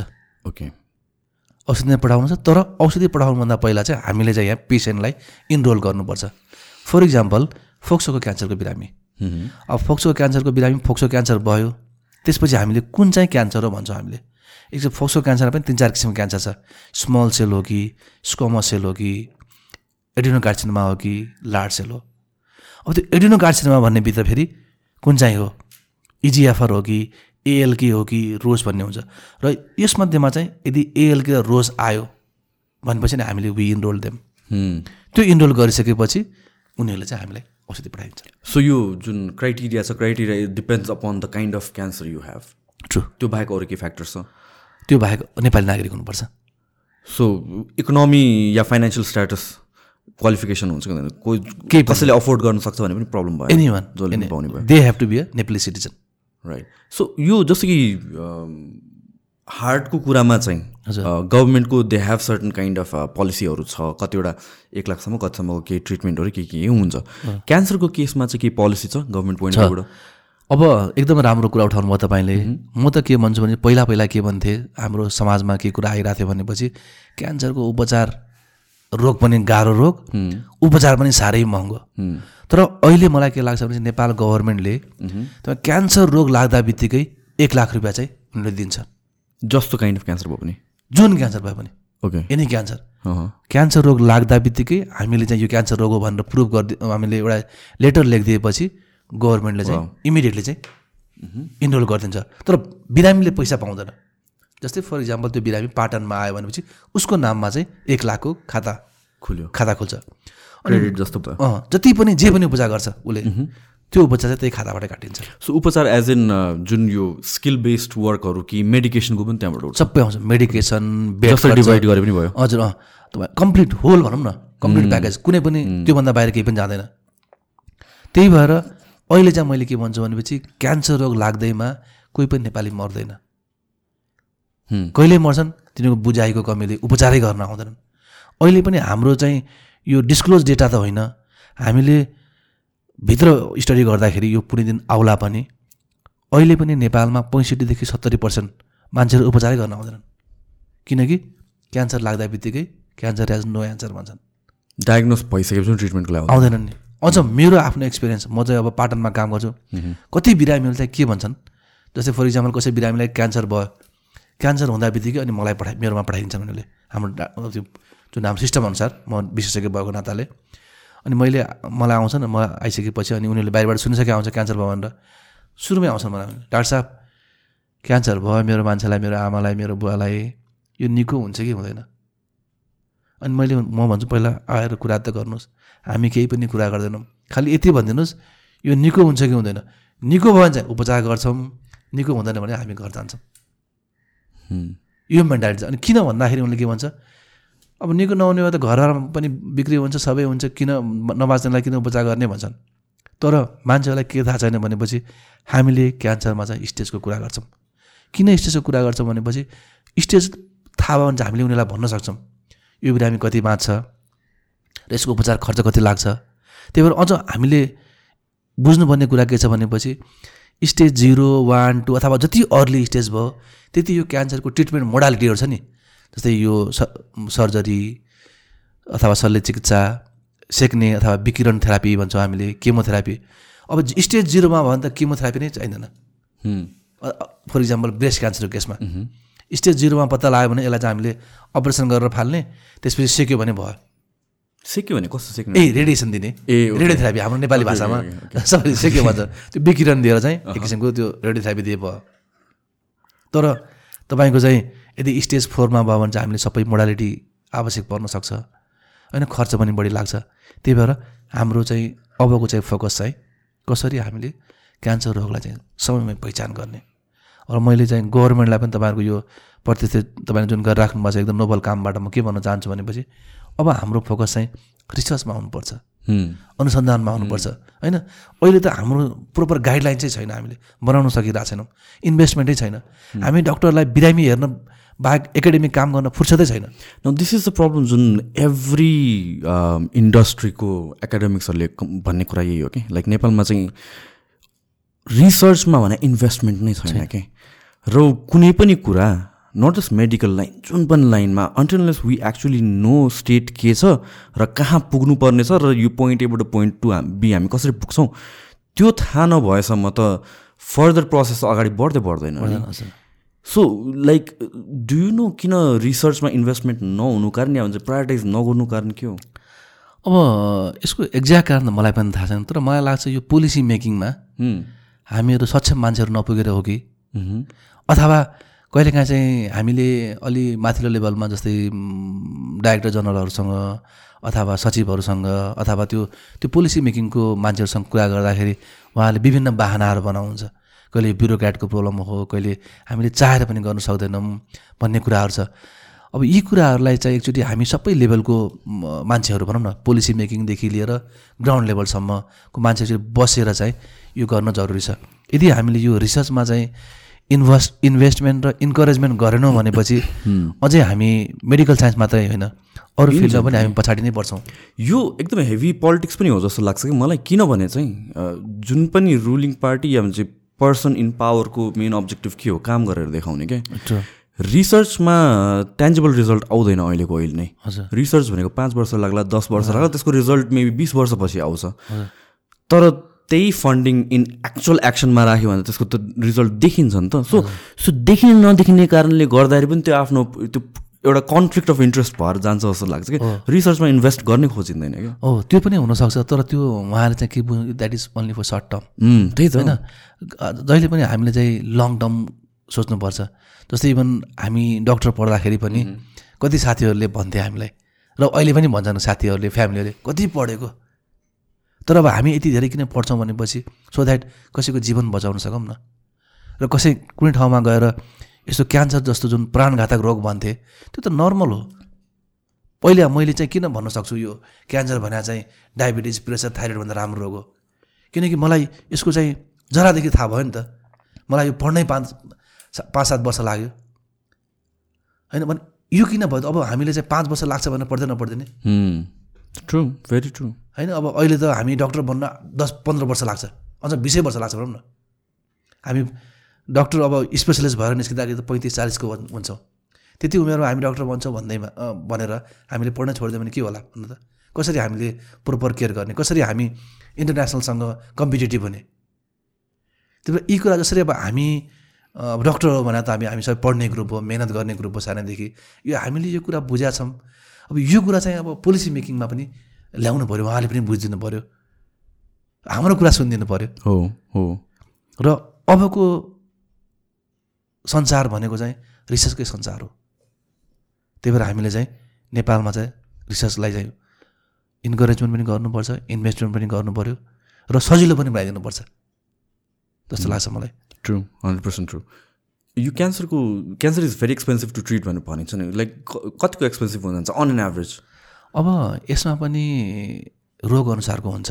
ओके तर नेपालको कन्टेस्टमा त मैले के भन्छु भनेपछि गभर्मेन्टले एक लाख रुपियाँ दिने भएको भएर क्यान्सर रोग लागेर कोही मर्दैन अहिलेलाई चाहिँ। किनकि हामीसँग चाहिँ अप्सन हुन्छ। फर इक्जाम्पल एउटा कुनै फोक्सो क्यान्सर भयो मानौँ स्टेज फोरको भयो। अब उसलाई चाहिँ इम्युनोथेरापी चाहिने भयो। हाम्रो जुन गाइडलाइन्स अनुसार रिसर्च अनुसार तर उसले इम्युनोथेरापी लाउन सक्दैन अथवा इम्युनोथेरापी एक्सपेन्सिभ छ भने त्यसको अल्टरनेटमा अरू सस्ता औषधिहरू पनि छन्। त्यही भएर अब हामीले बेस्ट ट्रिटमेन्ट बेस्ट औषधि खोज्दै गयो भने it is expensive but not for everything एउटा बल पार्कमा average I mean like range भन्ने हुन्छ लाइक पाँचदेखि दस लाख दसदेखि बिस लाख यस्तो काइन्ड अब अहिले त मैले भन्नुपर्दाखेरि एउटा रोग छ जसलाई चाहिँ हामीले कोरियो कार्सिनोमा भन्छौँ अथवा जिटिआर यो महिलाहरूलाई हुने हो। यसको यदि लो रिस्क छ भनेपछि यसको उपचारको लागि तपाईँको पाँच हजारमा क्योर हुन्छ। चार पाँच हजारमा। यो भनेको तर यो this is like extreme case होला। एक्सट्रिम केस होइन? जस्तो प्रेग्नेन्ट महिलाहरूलाई हुन्छ गर्भवती महिलाहरूलाई अथवा गर्भ हुने बेला हुन्छ त्यो बाहेक अरू हुने चाहिँ अब स्टेज अनुसार हुन्छ फेरि। अब अर्ली स्टेजमा भयो भने चाहिँ हामी क्योरै हुने भयो छिटो हुन्छ कम पैसा लाग्छ। अब स्टेज फोर भयो जसलाई चाहिँ इम्युनोथेरापीहरू चाहिन्छ त्यस्ताहरूको चाहिँ पाँच दस लाखदेखि पाँच सात करोडसम्म लाग्न सक्छ। न यो पैसा कुरा आउँदाखेरि चाहिँ मेडिकल या भन्छ हेल्थ इन्सुरेन्सको कुरा कतिको रेलेभेन्ट छ? नेपालको कन्टेक्समा हेल्थ इन्सुरेन्स भनेर मेडिकल मेडिकल इन्सुरेन्स हुन्छ। हेल्थ इन्सुरेन्स कमन छैन हो? छैन हो। नेपालमा कम छैन छ। एकदमै हेल्थ इन्सुरेन्स त मलाई आइडिया छैन एकदम थोरै लागेको छ। भर्खर सुरु गर्न खोजेको थियो। फेरि हामी हाम्रो कस्तो छ भनेपछि हेल्थ इन्स इन्सुरेन्समा पनि ट्रस्ट छैन क्या हामीलाई। किन ट्रस्ट छैन भने हेल्थ इन्सुरेन्सको लागि हामीले इन्सुरेन्सको लागि चाहिने पैसा चाहिँ दिन्छौँ। तर त्यो इन्सुरेन्स कम्पनीले जब हामीलाई त्यो पे ब्याक गर्नु पऱ्यो आनाकानी गर्छन्। उदाहरणको लागि म एकदम राम्रो इक्जाम्पल दिन्छु। यो कोभिडको जब जब सुरुको बेलामा ट्रु एकदमै खतरा होइन? हामी सबैले इन्सुरेन्स गऱ्यौँ। है इभन हस्पिटलले त पुरैको इन्सुरेन्स गरिदियो हामीले आफ्नो ठाउँबाट पनि गऱ्यौँ। सुरुको एक दुई महिनाकोले मात्रै पाएँ। हो। नाइन्टी पर्सेन्टले पाएकै छैन। इभन गभर्मेन्टले हात माथि गर्थे अहिलेसम्म पाएको छैन हामीले। भनेपछि यस्तो बेलामा हामीले कसरी ट्रस्ट गर्ने त? अझ अब अहिले चाहिँ हामीले पाटनबाट चाहिँ एउटा चाहिँ पार्टनर्स फर वर्ल्ड हेल्थ भन्ने एउटा अमेरिकन संस्था छ। त्योसँग हामीले एउटा कोलाबरेट गराएको छौँ। अनि त्योसँग के कोलाबरेट गराएको छौँ भने चाहिँ उनीहरूले प्रत्येक वर्ष त्यहाँको चाहिँ स्किल म्यान पावर भनेको डक्टर सर्जनहरू नर्सहरू प्यारामेडिक्सहरू बोलाएर चाहिँ हामीलाई ट्रेन गराइदिने। चाहिँ फ्रीमा। त्यो हाम्रो एउटा किसिमको अन्डरस्ट्यान्डिङ हुन्छ। अनि जब उनीहरू अस्ति आए भर्खरै एक हप्ता अगाडि आएको थियो पाटनमा अनि हामीले चाहिँ पेसेन्टलाई देखाउँदाखेरि अनि तिमीहरूले के फलो गर्छौ भन्दाखेरि अब हामीसँग चाहिँ अहिले संसारमा फलो गर्ने क्यान्सरमा चाहिँ दुई तिनवटा गाइडलाइन्स छ। त्यसमा सबभन्दा राम्रो चाहिँ एनसिसिएन गाइडलाइन्स भन्ने हो नेसनल कम्प्रिहेन्सिभ क्यान्सर नेटवर्क त्यो गाइडलाइन्स हामीले फलो गर्छौँ भनेर भन्यौँ। अनि त्यो फलो गर्दै जाँदाखेरि हामी एउटा बिरामी ठ्याक्क लङ क्यान्सरको बिरामी हुनुहुन्थ्यो। उहाँको चाहिँ एउटा इम्युनोथेरापी चलाउने पिडिएल भन्ने एट्टी पर्सेन्ट थियो। अनि बाई थ्योरी त्यसलाई चाहिँ हामीले इम्युनोथेरापी चलाउनु पर्ने हो। तर उसँग पैसा छैन। किनकि इम्युनोथेरापीको एउटा साइकलको तपाईँको तिनदेखि चार लाख लाग्छ। हामीले एभ्री थ्री विकमा गर्नुपर्छ। अब त्यो गाउँको मान्छेले एभ्री थ्री विकमा तिनदेखि चार लाख। चार लाख। अब उहाँले त गर्ने कुरा आएन अनि मैले उहाँलाई सोधेँ अमेरिकन प्रोफेसर हुनुहुन्थ्यो न्युयोर्कबाट आउनुभएको थियो। उहाँलाई सोधेँ मैले अब तिमीहरूको डेटामा तिमीहरूको रिसर्चमा चाहिँ यस्तो भयो भने चाहिँ तिमीले इम्युनोथेरापी देऊ भनेर भन्छौ। तर हाम्रो कन्टेक्समा कसरी दिने? भन्दाखेरि उसले मलाई के भने आइम सरी भने भने अनि मैले वाइ युएस सरी तपाईँ हामी यसमा त सरी भन्नुपर्ने कुरै छैन। हामी त खालि तपाईँको ओपिनियनमा आएको हो। तपाईँले यसमा केही इम्पोज गर्नुपर्छ भन्ने छैन।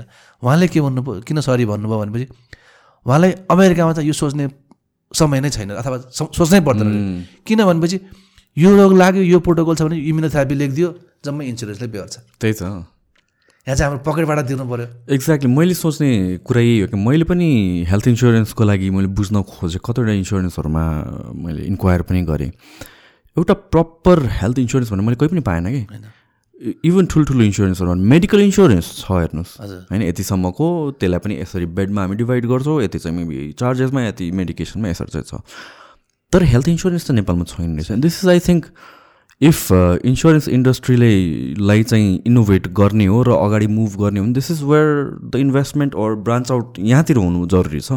जस्तो रोग भए पनि होइन बाहिरको त्यही त हो नि बाहिरको सजिलो के छ भनेपछि इन्सुरेन्सले जे पनि कभर गरिदिन्छ टुक्क भइयो क्या यहाँको केसमा चाहिँ मेजोरिटी अफ पिपलले सोच्नुपर्ने कुरा के भनेर भनेपछि मसँग मिनिमम यतिको ब्यालेन्स ब्याङ्कमा छ कि छैन जस्ट इन केस मलाई या मेरो फ्यामिलीलाई केही भयो भने। विच इज समथिङ लाइक इन्सुरेन्सको काम त्यही त हो नि। अनि नेपालमा चाहिँ उपचार नगर्ने कारण पनि यही हो। किनकि अब खर्च लाग्छ खर्च छैन खल्तीमा। कसरी हामीले अब उपचार गर्ने नगर्ने भन्ने डिसिसन दिने?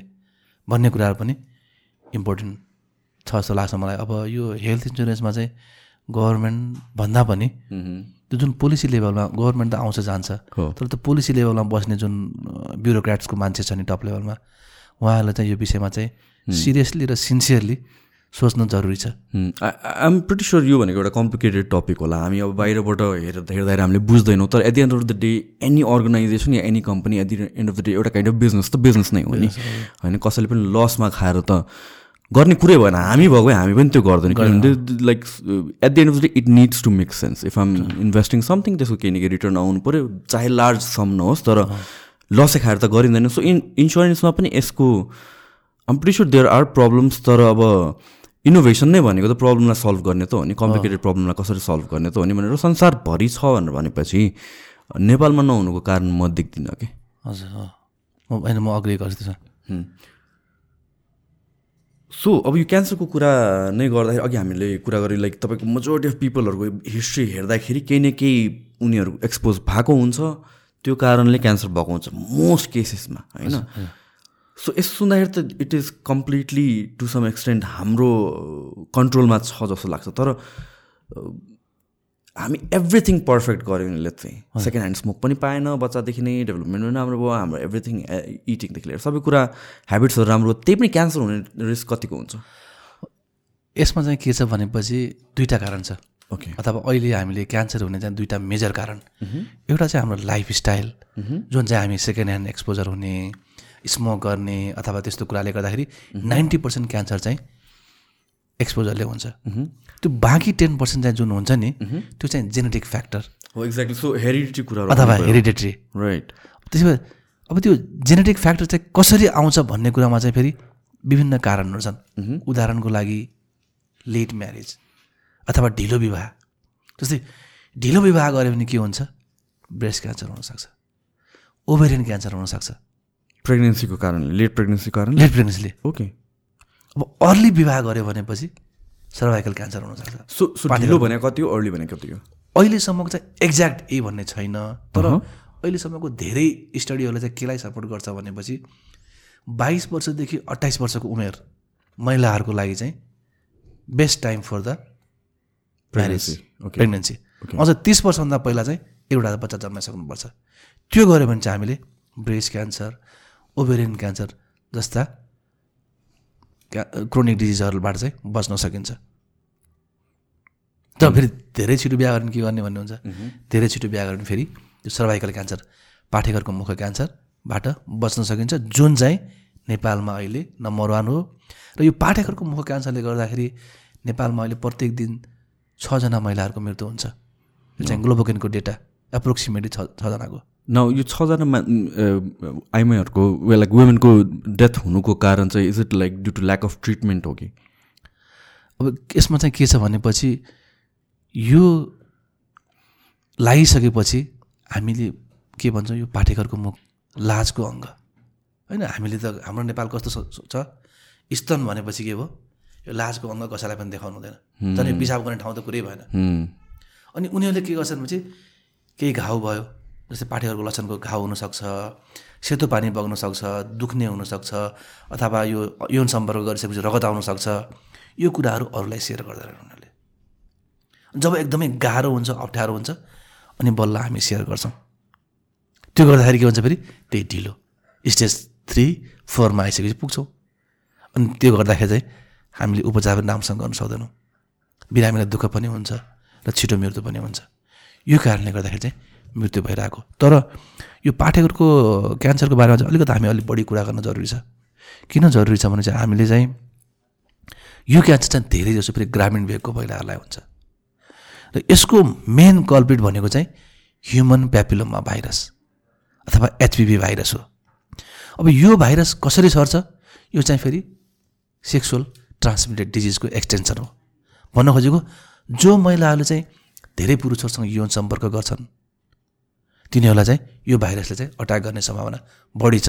अझ हामीले डेटामा भन्नुपर्दाखेरि चाहिँ नाइन्टी नाइन पर्सेन्ट कुनै कुनै स्टडीले के भन्छ भने चाहिँ नाइन्टी नाइन पर्सेन्ट पाठेघरको मुख क्यान्सर चाहिँ यही ह्युमन प्यापिलोमा भाइरसले गर्दाखेरि हुन्छ। अरू वान पर्सेन्ट किन कम भयो भन्दाखेरि स्मोकिङको पनि डाइरेक्ट रिलेसन छ यसमा। भनेको धेरै स्मोक गर्ने महिलाहरूलाई अर्ली एज सोह्र सत्र पन्ध्र चौध वर्षको उमेरमा विवाह गर्ने महिलाहरूलाई पनि पाठेघरको मुख क्यान्सर हुन्छ। त्यसै गरी हाइजिन फोहोर राख्नेहरूलाई यी सबै कारणहरूले गर्दाखेरि चाहिँ पाठेघरको चाहिँ त्यो एक पर्सेन्ट भयो। तर मेन कल्पिट के रहेछ? Human papilloma virus. हो यो भाइरस फेरि के हुन्छ? भ्याक्सिनले फेरि यसलाई चाहिँ हामीले जित्न सकिन्छ।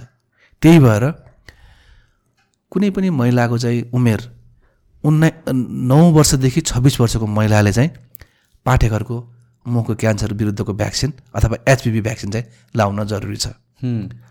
अब त्यो भ्याक्सिन कसरी लाउने? पाउँछ कि पाउँदैन नेपालमा? नेपालमा एभाइलेबल छ। तर गभर्मेन्टले चाहिँ धेरै अगाडि एक दुई वर्ष अगाडि नै सबै स्कुल पढ्ने नानीहरूलाई चाहिँ यो भ्याक्सिन दिन्छु भनेर चाहिँ बजेटमै उनीहरूले फुकिसके तर अब गभर्मेन्ट लेभलमा अहिलेसम्म इम्प्लिमेन्टेसनमा छैन। छैन। तर यो प्राइभेट हस्पिटल इभन गभर्मेन्ट हस्पिटलको मान्छेहरूले चाहिँ आफ्नो इनिसिएसनमा चाहिँ मैले काम गर्ने संस्थाहरूलाई चाहिँ मेरो इनिसिएसनमा मैले चाहिँ तपाईँहरूलाई चाहिँ यो भ्याक्सिन चाहिँ राखिदिनुहोस् अथवा म पेसेन्टलाई मैले काउन्सिलिङ गरेर बोलाउँछु तपाईँहरूले दिने। अब यो दिने कुरामा पनि अलिकति कन्फ्युजन छ धेरैले सोध्ने प्रश्न। नौदेखि छब्बिस वर्षको महिलाले कतिवटा भ्याक्सिन लाउने? भन्दाखेरि चाहिँ नौदेखि पन्ध्र वर्षको महिलाहरूले चाहिँ दुईवटा सर्ट लाउँदा हुन्छ। भनेको आज लाउने आज लगाएको छदेखि एक वर्षमा चाहिँ दोस्रो सर्ट लगाएपछि यो एचपी भ्याक्सिन कम्प्लिट भयो। तर पन्ध्र वर्षभन्दा माथि छब्बिस वर्षको महिला चाहिँ तिनचोटि लाउनुपर्छ। आज लाउने चारदेखि आठ हप्ताको बिचमा लाउने त्यसपछि छ महिनादेखि एक वर्षमा लाउने। तिनवटा लगायो भने पुग्यो। तर यो भ्याक्सिन लाएर मात्रै हन्ड्रेड पर्सेन्ट त हुँदैन किनकि हामीले नाइन्टी नाइन पर्सेन्ट मात्रै बनाएको छौँ। हो यो एक पर्सेन्टको लागि चाहिँ हामी चाहिँ स्क्रिनिङमा जानुपर्छ। त्यो स्क्रिनिङमा जाने भनेकोमा चाहिँ एक्काइस वर्षपछि। एक्काइस वर्षपछि प्रत्येक तिन वर्षमा एकचोटि हामीले चाहिँ प्याप स्मेल जाँच गर्नु पऱ्यो त्यो भनेको चाहिँ पाठेकरको मुखको पानीको जाँच गर्ने। जुन चाहिँ महिला तथा प्रस्तुत रोग विशेषज्ञहरूले चाहिँ यो गर्छन्।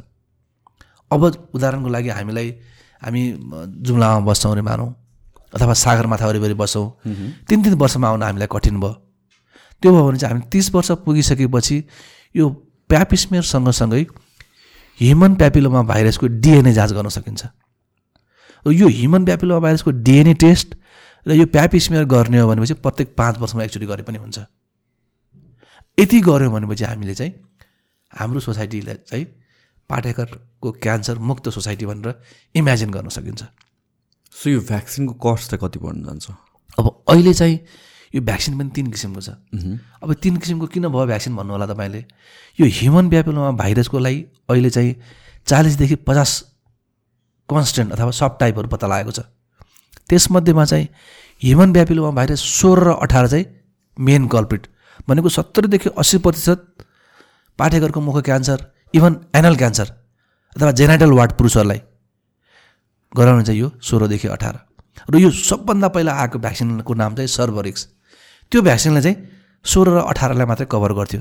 यो चाहिँ लगभग तिस तिस हजार बालिकाहरूमा स्टडी गराएको थियो।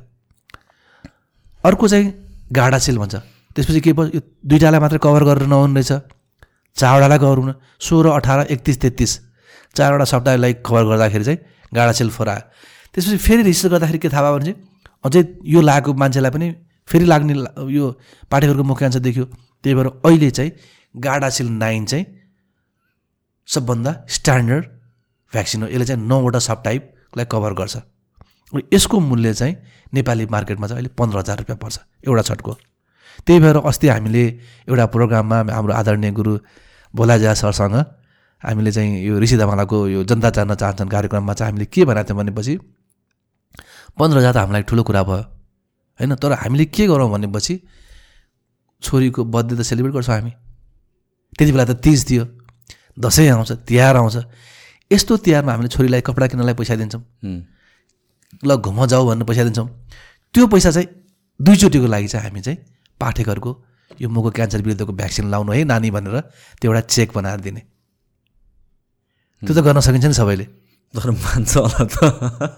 होइन अब त त्यही भएर त अब हामीले चाहिँ यसको चाहिँ फाइदा र बेफाइदा कुरा हो। पत्ता लगाउनु पऱ्यो नि। अब तपाईँले भन्नु न छजना महिलाको प्रतिदिन मृत्यु भइरहेछ जसलाई चाहिँ हामीले हन्ड्रेड पर्सेन्ट बचाउन सकिन्छ एउटा चाहिँ पन्ध्र हजारको भ्याक्सिन दिएर। भनेपछि पन्ध्र हजार ठुलो भयो कि एउटा लजिकल त इट मेक सेन्स नै। होइन?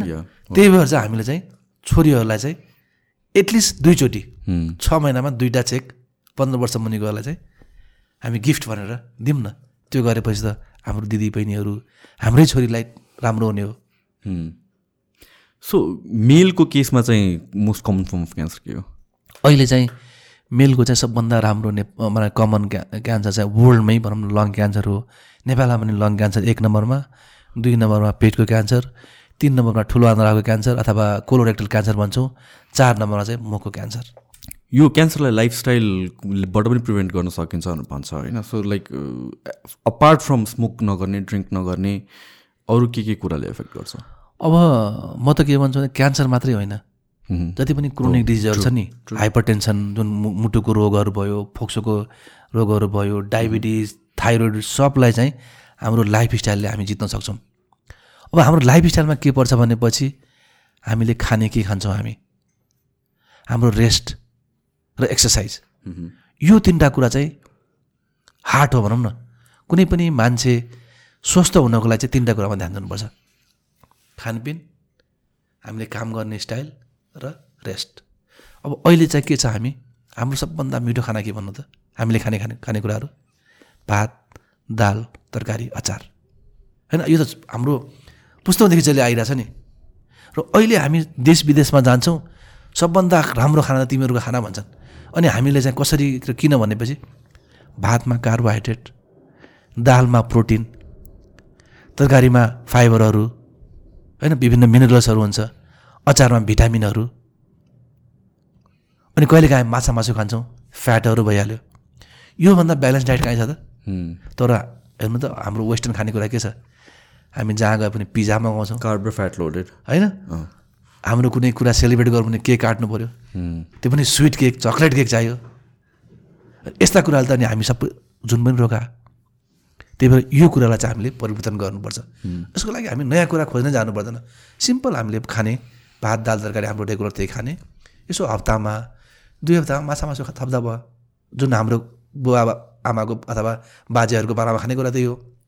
यो चाहिँ खानेको पक्षमा भयो। अब हामीले एक्सर्साइजको कुरा आउँछौँ अब एक्सर्साइजको लागि हामी जिमै जानु पर्दैन। अब कति मान्छेहरूले जिमको पैसा तिर्न सक्दैन। महँगो पनि छ नि। अथवा दौड्नको लागि हामी त्यो दस रङशालामै गएर दौड्ने पनि होइन। जे सकिन्छ सबै घरमै हामी तलमाथि गरे पनि भयो वरिपरि हिँडे पनि भयो। अहिले त टिभी हेर्दै योगा पनि गर्न सकिन्छ। यो लकडाउनको वान अफ द उपलब्धि भने चाहिँ यो एक्ज्याक्टली होइन? मान्छेहरूले घरमा पनि गर्न सकिन्छ अनि सिक्यो नि सिक्यो नि हो। त्यो गर्ने। अनि अर्को कुरा के छ भने अहिलेको जमाना कस्तो भनेपछि इकोनोमिक रेभोल्युसनको जमाना। भनेको हाम्रो सफलताको मापक के हो त? कति पैसा कमायो? कुन गाडी चढ्यो? कहाँ घर किन्यो? यही हो नि। तर हामीले त्यो पनि आवश्यक छ। किनकि त्यसले गर्दाखेरि हामीलाई एउटा मिहिनेत गर्नलाई एम्बिसन पनि दियो नि। तर त्यो सँगसँगै हामीले चाहिँ के बुझ्नुपर्छ भनेपछि we need rest as well त्यही भएर एउटा हेल्दी मान्छेले चाहिँ चौबिस घन्टामा चाहिँ छदेखि आठ घन्टा चाहिँ सुत्न चाहिँ एकदम जरुरी छ। सो ल्याक अफ स्लिप र क्यान्सरमा पनि कोरिलेसन छ। अब एकदमै ठिक कुरा गर्नुभयो तपाईँले। अब यसमा चाहिँ डाइरेक्ट रिलेसन चाहिँ छैन तर एउटा स्टडी आएको थियो। धेरै पहिला। यसले चाहिँ के भन्छ भने जो चाहिँ राति काम गर्छ. स्पेसली रातिको लाइटमा धेरै एक्सपोज हुने स्पेसली महिलाहरू यो हाम्रो नर्सिङ फ्याकल्टीहरू बारमा काम गर्नेहरू उनीहरूमा चाहिँ ब्रेस्ट क्यान्सरको चाहिँ इन्सिडेन्स बढेको चाहिँ देखेको एक दुईवटा चाहिँ छ. अनि अर्को कुरा धेरै अब ल्याक अफ रेस्ट भयो भने प्रेसर बढ्छ हेर्नुहोस्. होइन रातभरि हामी काम गरेर सुतेनौँ भने प्रेसर बढिहाल्छ। जसले गर्दा भविष्यमा हार्ट एट्याकहरू हुने अथवा ब्रेन अट्याकहरू हुने होइन स्ट्रोकहरू हुने यी सबै कुराहरू पनि हुन्छ। त्यही भएर यी कुराहरूलाई चाहिँ हामीले सुधार्न जरुरी छ। र यति कुरालाई तिनवटा कुरालाई हामीले सुधार्यौँ भनेपछि नाइन्टी पर्सेन्ट हामीले दीर्घ रोगहरूलाई चाहिँ हुनेबाट नै रोक्न सकिन्छ। न यो स्लिपको केसमा चाहिँ इज इट डिरेक्ट कोरिलेसन कि इन्डिरेक्टली किनभने स्लिप पुगेन भने अफकोर्स इम्युनिटीमा अफेक्ट गर्छ। अनि इम्युनिटी कमजोर भएर त्यो हुने हो कि। अब यसमा चाहिँ के छ भनेपछि स्लिप पुगेन भने त हाम्रो सिस्टमै चेन्ज भयो नि। सिस्टम नै डिफ्रेन्ट गयो होइन? जब सिस्टम चेन्ज भयो भने जे पनि हुनसक्छ. तपाईँको डायबिटिज थाइरोइड हाइपरटेन्सन पनि हुनसक्छ क्यान्सर पनि हुनसक्छ। नाउ यो खानपानको कुरा गर्दाखेरि चाहिँ this is another again debated topic जुन चाहिँ अहिले रिसेन्टली आइरहेको छ। मिट कजिङ क्यान्सर कतिको ट्रुथ छ त्यसमा र कतिको एक्जाजुरेसन छ? किन भन्छ? मैले किन सोधेको भनेपछि मिट कजेस क्यान्सर भनेर चाहिँ एउटा चाहिँ नेरेटिभ आएको छ होइन? मेन स्ट्रिम मिडियामा स्पेसली नाउ यो meat causes cancer different demography र रिजन अनुसारले फरक हुनसक्छ। फर इक्जाम्पल हाम्रो नेपाल जस्तो देशमा वेयर दिनमा तिनचोटि र हप्तामा सातै दिन मासु खाइँदैन होला most फ्यामिलिजमा couple of times a week खान्छ होला या भने चाहिँ एभ्री डे खायो भने वान्स वान्स अ डे खान्छ होला। लिमिटेड अमाउन्टमा खान्छौँ। हाम्रो पर्सपेक्टिभ भर्सेस मेबी वेस्टमा जहाँ चाहिँ ब्रेकफास्ट लन्च र डिनर नै के अरे ग्रिल्ड चिकन या भन्छ ग्रिल्ड बिफ होला या वरेभर इट इज यो कन्टेक्समा हेर्ने हो भने मासुले क्यान्सर हुन्छ भने डिरेक्टली नै कोरिलेटेड छ कि एक्सेस कन्जम्सन अफ मिटले गरेर चाहिँ हुन्छ अब यसमा चाहिँ यो चाहिँ अलिक ट्रिकी क्वेसन पनि भयो। तर मैले चाहिँ के भन्छु भनेपछि मा मिटले क्यान्सर बनाउँछ भन्ने कुरामा चाहिँ म मान्दिनँ। किन मान्दिनँ भनेपछि हाम्रो जुन फोर फादरहरू राइट एन्सिस्टरहरूको त खाना नै मिट मात्रै थियो नि, हन्टर्स नै हो नि। होइन मिट मात्रै खान्थे। तर तिनीहरू मिट खाएर पनि कति फिट थियो नि। मह्म। तर अब अहिले चाहिँ मिट कजेस क्यान्सर हो किन भन्छ भनेपछि all meats are processed right हो। होइन सबै मिटमा हेर्नु अहिले चाहिँ फर्मालिन मिसाउँछ। नेपालमा पनि? एभ्रिवेयर ओके अर्को कुरा के छ भने वेस्ट र नेपालमा फरक के छ भनेपछि त्यहाँ त एउटा फुड फुड कन्ट्रोल संस्था हुन्छ नि। होइन food and drug control organisation छ एफडिए छ। नेपालमा त के छ? म तपाईँलाई एउटा सानो मेरो एक्सपिरियन्स सेयर गर्छु। एकजना जनकपुरको बिरामी मलाई लाग्छ उहाँको उमेर पैँतालिस वर्ष थियो। उहाँलाई चाहिँ ठुलो आन्द्रा क्यान्सर भयो। अनि मैले कुरै कुरा गर्न जाँदाखेरि के गर्नुहुन्छ सर तपाईँले भनेर जाँदाखेरि उहाँले चाहिँ मेरो सर माछाको ठुलो ऊ छ माछा पोखरी छ। अर्कोचोटि आउँदाखेरि म तपाईँलाई माछा ल्याएर आइदिन्छु भन्नुभयो। अनि मैले हुन्छ भने उहाँ ल्याएर पनि आउनुभयो। उहाँको उपचार गरेँ उपचार गर्दा गर्दै फेरि कोलनको क्यान्सरको चाहिँ एटलिस्ट छ महिना उपचार गर्नुपर्ने हुन्छ। छ महिना उपचार गर्दै जाँदाखेरि उहाँको एघारौँ केमो पुगेको थियो। ठ्याक्क उहाँको अर्को भाइ पनि आउनुभयो। Okay. He was forty two अनि उहाँले चाहिँ मेरो भाइलाई पनि पेटको समस्या छ डाक्टर साहब भन्नु भन्नु। मैले एकचोटि डाक्टर साहब त्यहाँको हाम्रो सर्जरी टिमलाई देखाएँ। त्यो गर्दाखेरि त बायोप्सी गर्दाखेरि त्यहाँ उहाँलाई पनि कोलन क्यान्सर देखियो। अनि मैले अपरेसन भइसकेपछि फेरि उहाँलाई केमो दिनु पऱ्यो अनि दुवैजना दाजुभाइ सँगै केमो लिन आउनुहुन्थ्यो। अनि मैले उहाँलाई कुरा गरेँ तपाईँले के काम गर्नुहुन्छ त? उहाँले पनि माछा पोखरी नै हो। हामी दाजुभाइ नै माछा माछा पोखरीमै माछा नै हाम्रो माछा नै व्यापार हो भन्ने कुरा हो अनि मैले सोधेँ तपाईँलाई तपाईँको माछा कहाँ कहाँ बेच्नुहुन्छ? हाम्रो मा जनकपुरको माछा त नेपालभरि ग बिक्री भएर इभन इन्डिया पनि जान्छ बिहार पनि हाम्रै माछा जान्छ भन्नुभयो। अनि मैले उहाँलाई सोधेँ तपाईँले माछा पठाउँदाखेरि कसरी पठाउनुहुन्छ? माछा त आजको माछा दुई दिनदेखि त सर्छ हामीले राम्रोसँग राखेन भनेपछि। उहाँले के भन्नु मैले त फर्मालिन मिसाउँछु भन्नुभयो। अनि मैले भने कति क्वान्टिटीमा मिसाउनुहुन्छ? क्वान्टिटीको त मतलबै छैन उहाँलाई। छैन। मतलब भएन। मलाई त थाहै छ नि जति हुन्छ हामी मिसाइदिन्छौँ पठाइदिन्छौँ ए। भनेपछि सुन्नुहोस्। अहिले यो फर्मालिनले गर्दाखेरि सबभन्दा पहिला त दाजुभाइलाई भने किनकि एभ्रिडे खाना। तर माछा त हामीले धेरै सबभन्दा हेल्दी फुड नै माछा भन्छौँ हामीले। मासुको त कुरा परे त्यस्तै अब हेर्नु तपाईँ खसीको मासु भनौँ। अब अहिले हामीले केएफसीहरूमा खाने मासु कहाँबाट आउँछ? बर्गर जुन हामीले बर्गरमा खान्छौँ नि यो मटन ब्राजिलबाटै आउँछ। ब्राजिलबाट आउँछ। अब इमेजिन गर्नु त भाइ ब्राजिलबाट यहाँ आउने दुई दिन लाग्छ। त्यो माछालाई हामीले दुई महिना कसरी फ्रेस राख्ने? हो यिनीहरूको चाहिँ राम्रोसँग क्वान्टिटीमा क्वालिटीमा हेरचाह नगरेर यो ठुलो आन्द्राको पेटको क्यान्सरहरू बढेको हो। त्यही कारणले चाहिँ अहिलेको चाहिँ प्रोसेस्ड मिटको कारणले गर्दाखेरि चाहिँ पेटको क्यान्सरहरू बढिरहेको अझ तपाईँले हाम्रो देशमा त यो पेटको क्यान्सर त नम्बर टू हो। अमेरिका बेलामा त colorectal cancer second leading cause of death चाहिँ कोलोरेक्टल क्यान्सर गर्दा। यो सबै के हो? किनकि they are having more fast food तर हाम्रो नेपालमा हुने पेटको क्यान्सर र ठुलो आन्द्रा क्यान्सरमा चाहिँ अलिकति फरक अर्को पनि के छ भनेपछि हाम्रो नेपालको एट्टी पर्सेन्ट अझ एट्टी पर्सेन्ट त नभनौँ sixty to say eighty percent मान्छेको घरमा फ्रिजै छैन। इलेक्ट्रिसिटी छैन राम्रोसँग पुगेको छैन। भर्खरै छ अनि के गर्छन् उनीहरूले बासी खान्छन्। हाम्रो गाउँघरमा के छ? खसी काट्यो खसी काटेलाई चाहिँ धुवामा राख्छ हामी फेरि स्मोक फुड पनि अर्को कार्सिनोजेनिक एजेन्ट पनि भयो। किनकि त्यो धुवाले गर्दाखेरि हुने भयो। हाम्रो के छ हेर्नु त अहिले पनि प्रचलन। काहीँ विवाह भोजमा जाउँ त सबैले खोज्छन् कि सेकुवा कहाँ छ? होइन सेकेको खानु अनि त्यसले चाहिँ अल्टिमेटली लिड टु क्यान्सर लगायतका डिजिजहरू त्यही भएर यसलाई चाहिँ हामीले डाइरेक्ट मिट कजेस क्यान्सर भन्दा पनि this all processed fortified meat are main reason for the cancer so माछा मासु खानु पऱ्यो भने चाहिँ कसरी खाने त अब हामीले? अब सबभन्दा पहिला त मैले के भन्छु भनेपछि हामीले फ्रिक्वेन्टली खानु भएन। जस्तै मैले भने नि हाम्रो नर्मल खानेकुरा एभ्रिडे खाने भात दाल तरकारी यो माछा मासुहरू हामी हप्तामा एक दिन अथवा दुई हप्तामा एक दिन। यसरी खाने। अर्को कुरा चाहिँ हामीले के सकभर चाहिँ फ्रेस मासु माछा माछा अथवा मासु खाने। भन्नु फ्रेस भन्नु मतलब तपाईँलाई चाहिँ खसी त आज काट्न मिल्छ नि त। त्यो काटेको खा मासु खाने अथवा कुखुराहरू काटेको खाने।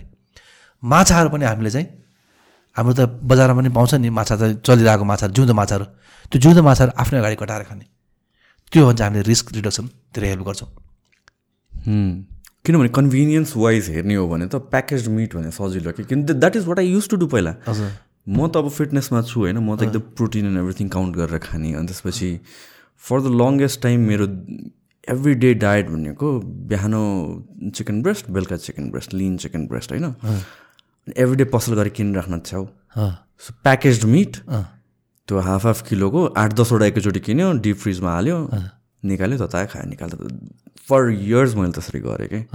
अहिले आएर चाहिँ I reach to a point whereby मलाई मासु हेर्नै मन लाग्दैन खासमा अहिले। म completely almost eighty percent plant based नै छु म। तर कन्भिनियन्स पोइन्ट अफ भ्यूले त त्यो प्याकेजिङको कुराहरू छ I never thought of that जहिले पनि सजिलोले नै त बिगार्ने हो। जहाँ पनि हेर्नु संसारै हेर्नु न हामी जब सजिलो बाटो खोज्छौँ नि हाम्रो करियर पनि त्यही हो। त्यही भएर यो कुरा चाहिँ हामी सबैले चाहिँ ध्यान दिन जरुरी छ। अहिले यो रोगहरू बढिरहेको कारण पनि यही नै हो। अझ म त के भन्छु अझ अर्को एउटा पनि इन्ट्रेस्टिङ कुरा भन्छु म दुईजना एउटै परिवारको मान्छेहरू चाहिँ फोक्सो क्यान्सर भएर आउनुभयो। अनि उहाँहरूलाई मैले सोधेँ तपाईँहरू के गर्नुहुन्छ? दुइटैले के भने हाम्रो पसल छ। एकजना त एउटा ठाउँको चाहिँ ठुलै व्यापारी। अनि के को पसल छ भन्दाखेरि यो सिगरेटको चाहिँ उहाँ चाहिँ मेन के भन्छ त्यो? डिलर डिलर नै उहाँको रहेछ। अनि आफ तपाईँ खानु चाहिँ म पनि खान्छु। म त अझ भन्छु यो यो सिगरेटको चाहिँ टेस्ट राम्रो छ यो यस्तो त्यो छिटो पनि हुन्छ। अनि हेर्नु तपाईँलाई यस्तो भयो। भनेपछि उहाँले चाहिँ उहाँलाई मैले के भने तपाईँको सबै छोराछोरीलाई बोलाउनु भनेर तर उहाँले चाहिँ एउटा के कमेन्ट गर्नुभयो भने सबै छोराहरूलाई बोलाएर अबदेखि चाहिँ सिगरेटको चाहिँ डिलरै नगर्ने भन्नुभयो। त्यही भएर मैले चाहिँ के भन्न चाहन्छु भनेपछि हामीले यो सुर्तीजन्य पदार्थको बेचबिखन विज्ञापन कुनै पनि रूपमा हामीले बन्द गर्नुपर्छ। किनकि यो त इस्टाब्लिस कज हो नि त। किनकि हाम्रो चाहिँ के छ भनेपछि अहिले साइन्सले पनि भनिसक्यो नि। हो। त्यही भएर बरु हामी यसमा गर्ने इन्भेस्टमेन्ट हेल्थमा गरौँ न इन्सुरेन्समा गरौँ न। कसरी हुन्छ हामीले चाहिँ यो सुर्तीजन्य पदार्थको बेचबिखन र विज्ञापन रोक्नुपर्छ अब हाम्रो मुभीमा कुनै हिरोले केही राम्रो काम गर्यो भने चोट। चोट खाएर बसेको अब रक्सी खाएर बसेको। यसले गर्दाखेरि के हुन्छ भनेपछि यङ्स्टरहरूलाई चाहिँ सबभन्दा नकारात्मक प्रभाव पार्छ।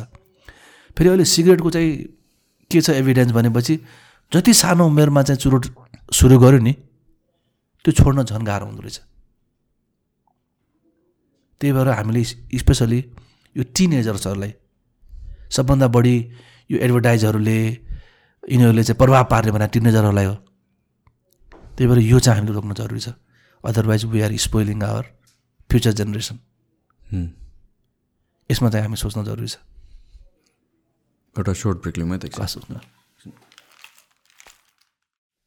ओके सो क्यान्सरको स्क्रिनिङ प्रोसेसहरू के हुन्छ र लाइक डिफ्रेन्ट क्यान्सर्सहरूलाई डिफ्रेन्ट प्रोसेस हुन्छ के हुन्छ? हामीले अघि टेस्टहरूको कुरा गरेँ सर्टन टेस्टहरू but apart from that what is the actual screening process like अब क्यान्सर त धेरै छ अलमोस्ट सयभन्दा धेरै क्यान्सर छ।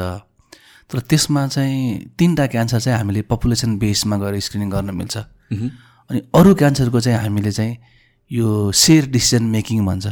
त्यो भनेको चाहिँ बिरामी र डक्टरले कुरा गर्ने त्यसको फाइदा र बेफाइदा रिस्क फ्याक्टर के के छ त्यो भएर चाहिँ गर्ने स्किललाई चाहिँ हामीले सेयर सेयर डिसिजन मेकिङ भन्छौँ हामीले।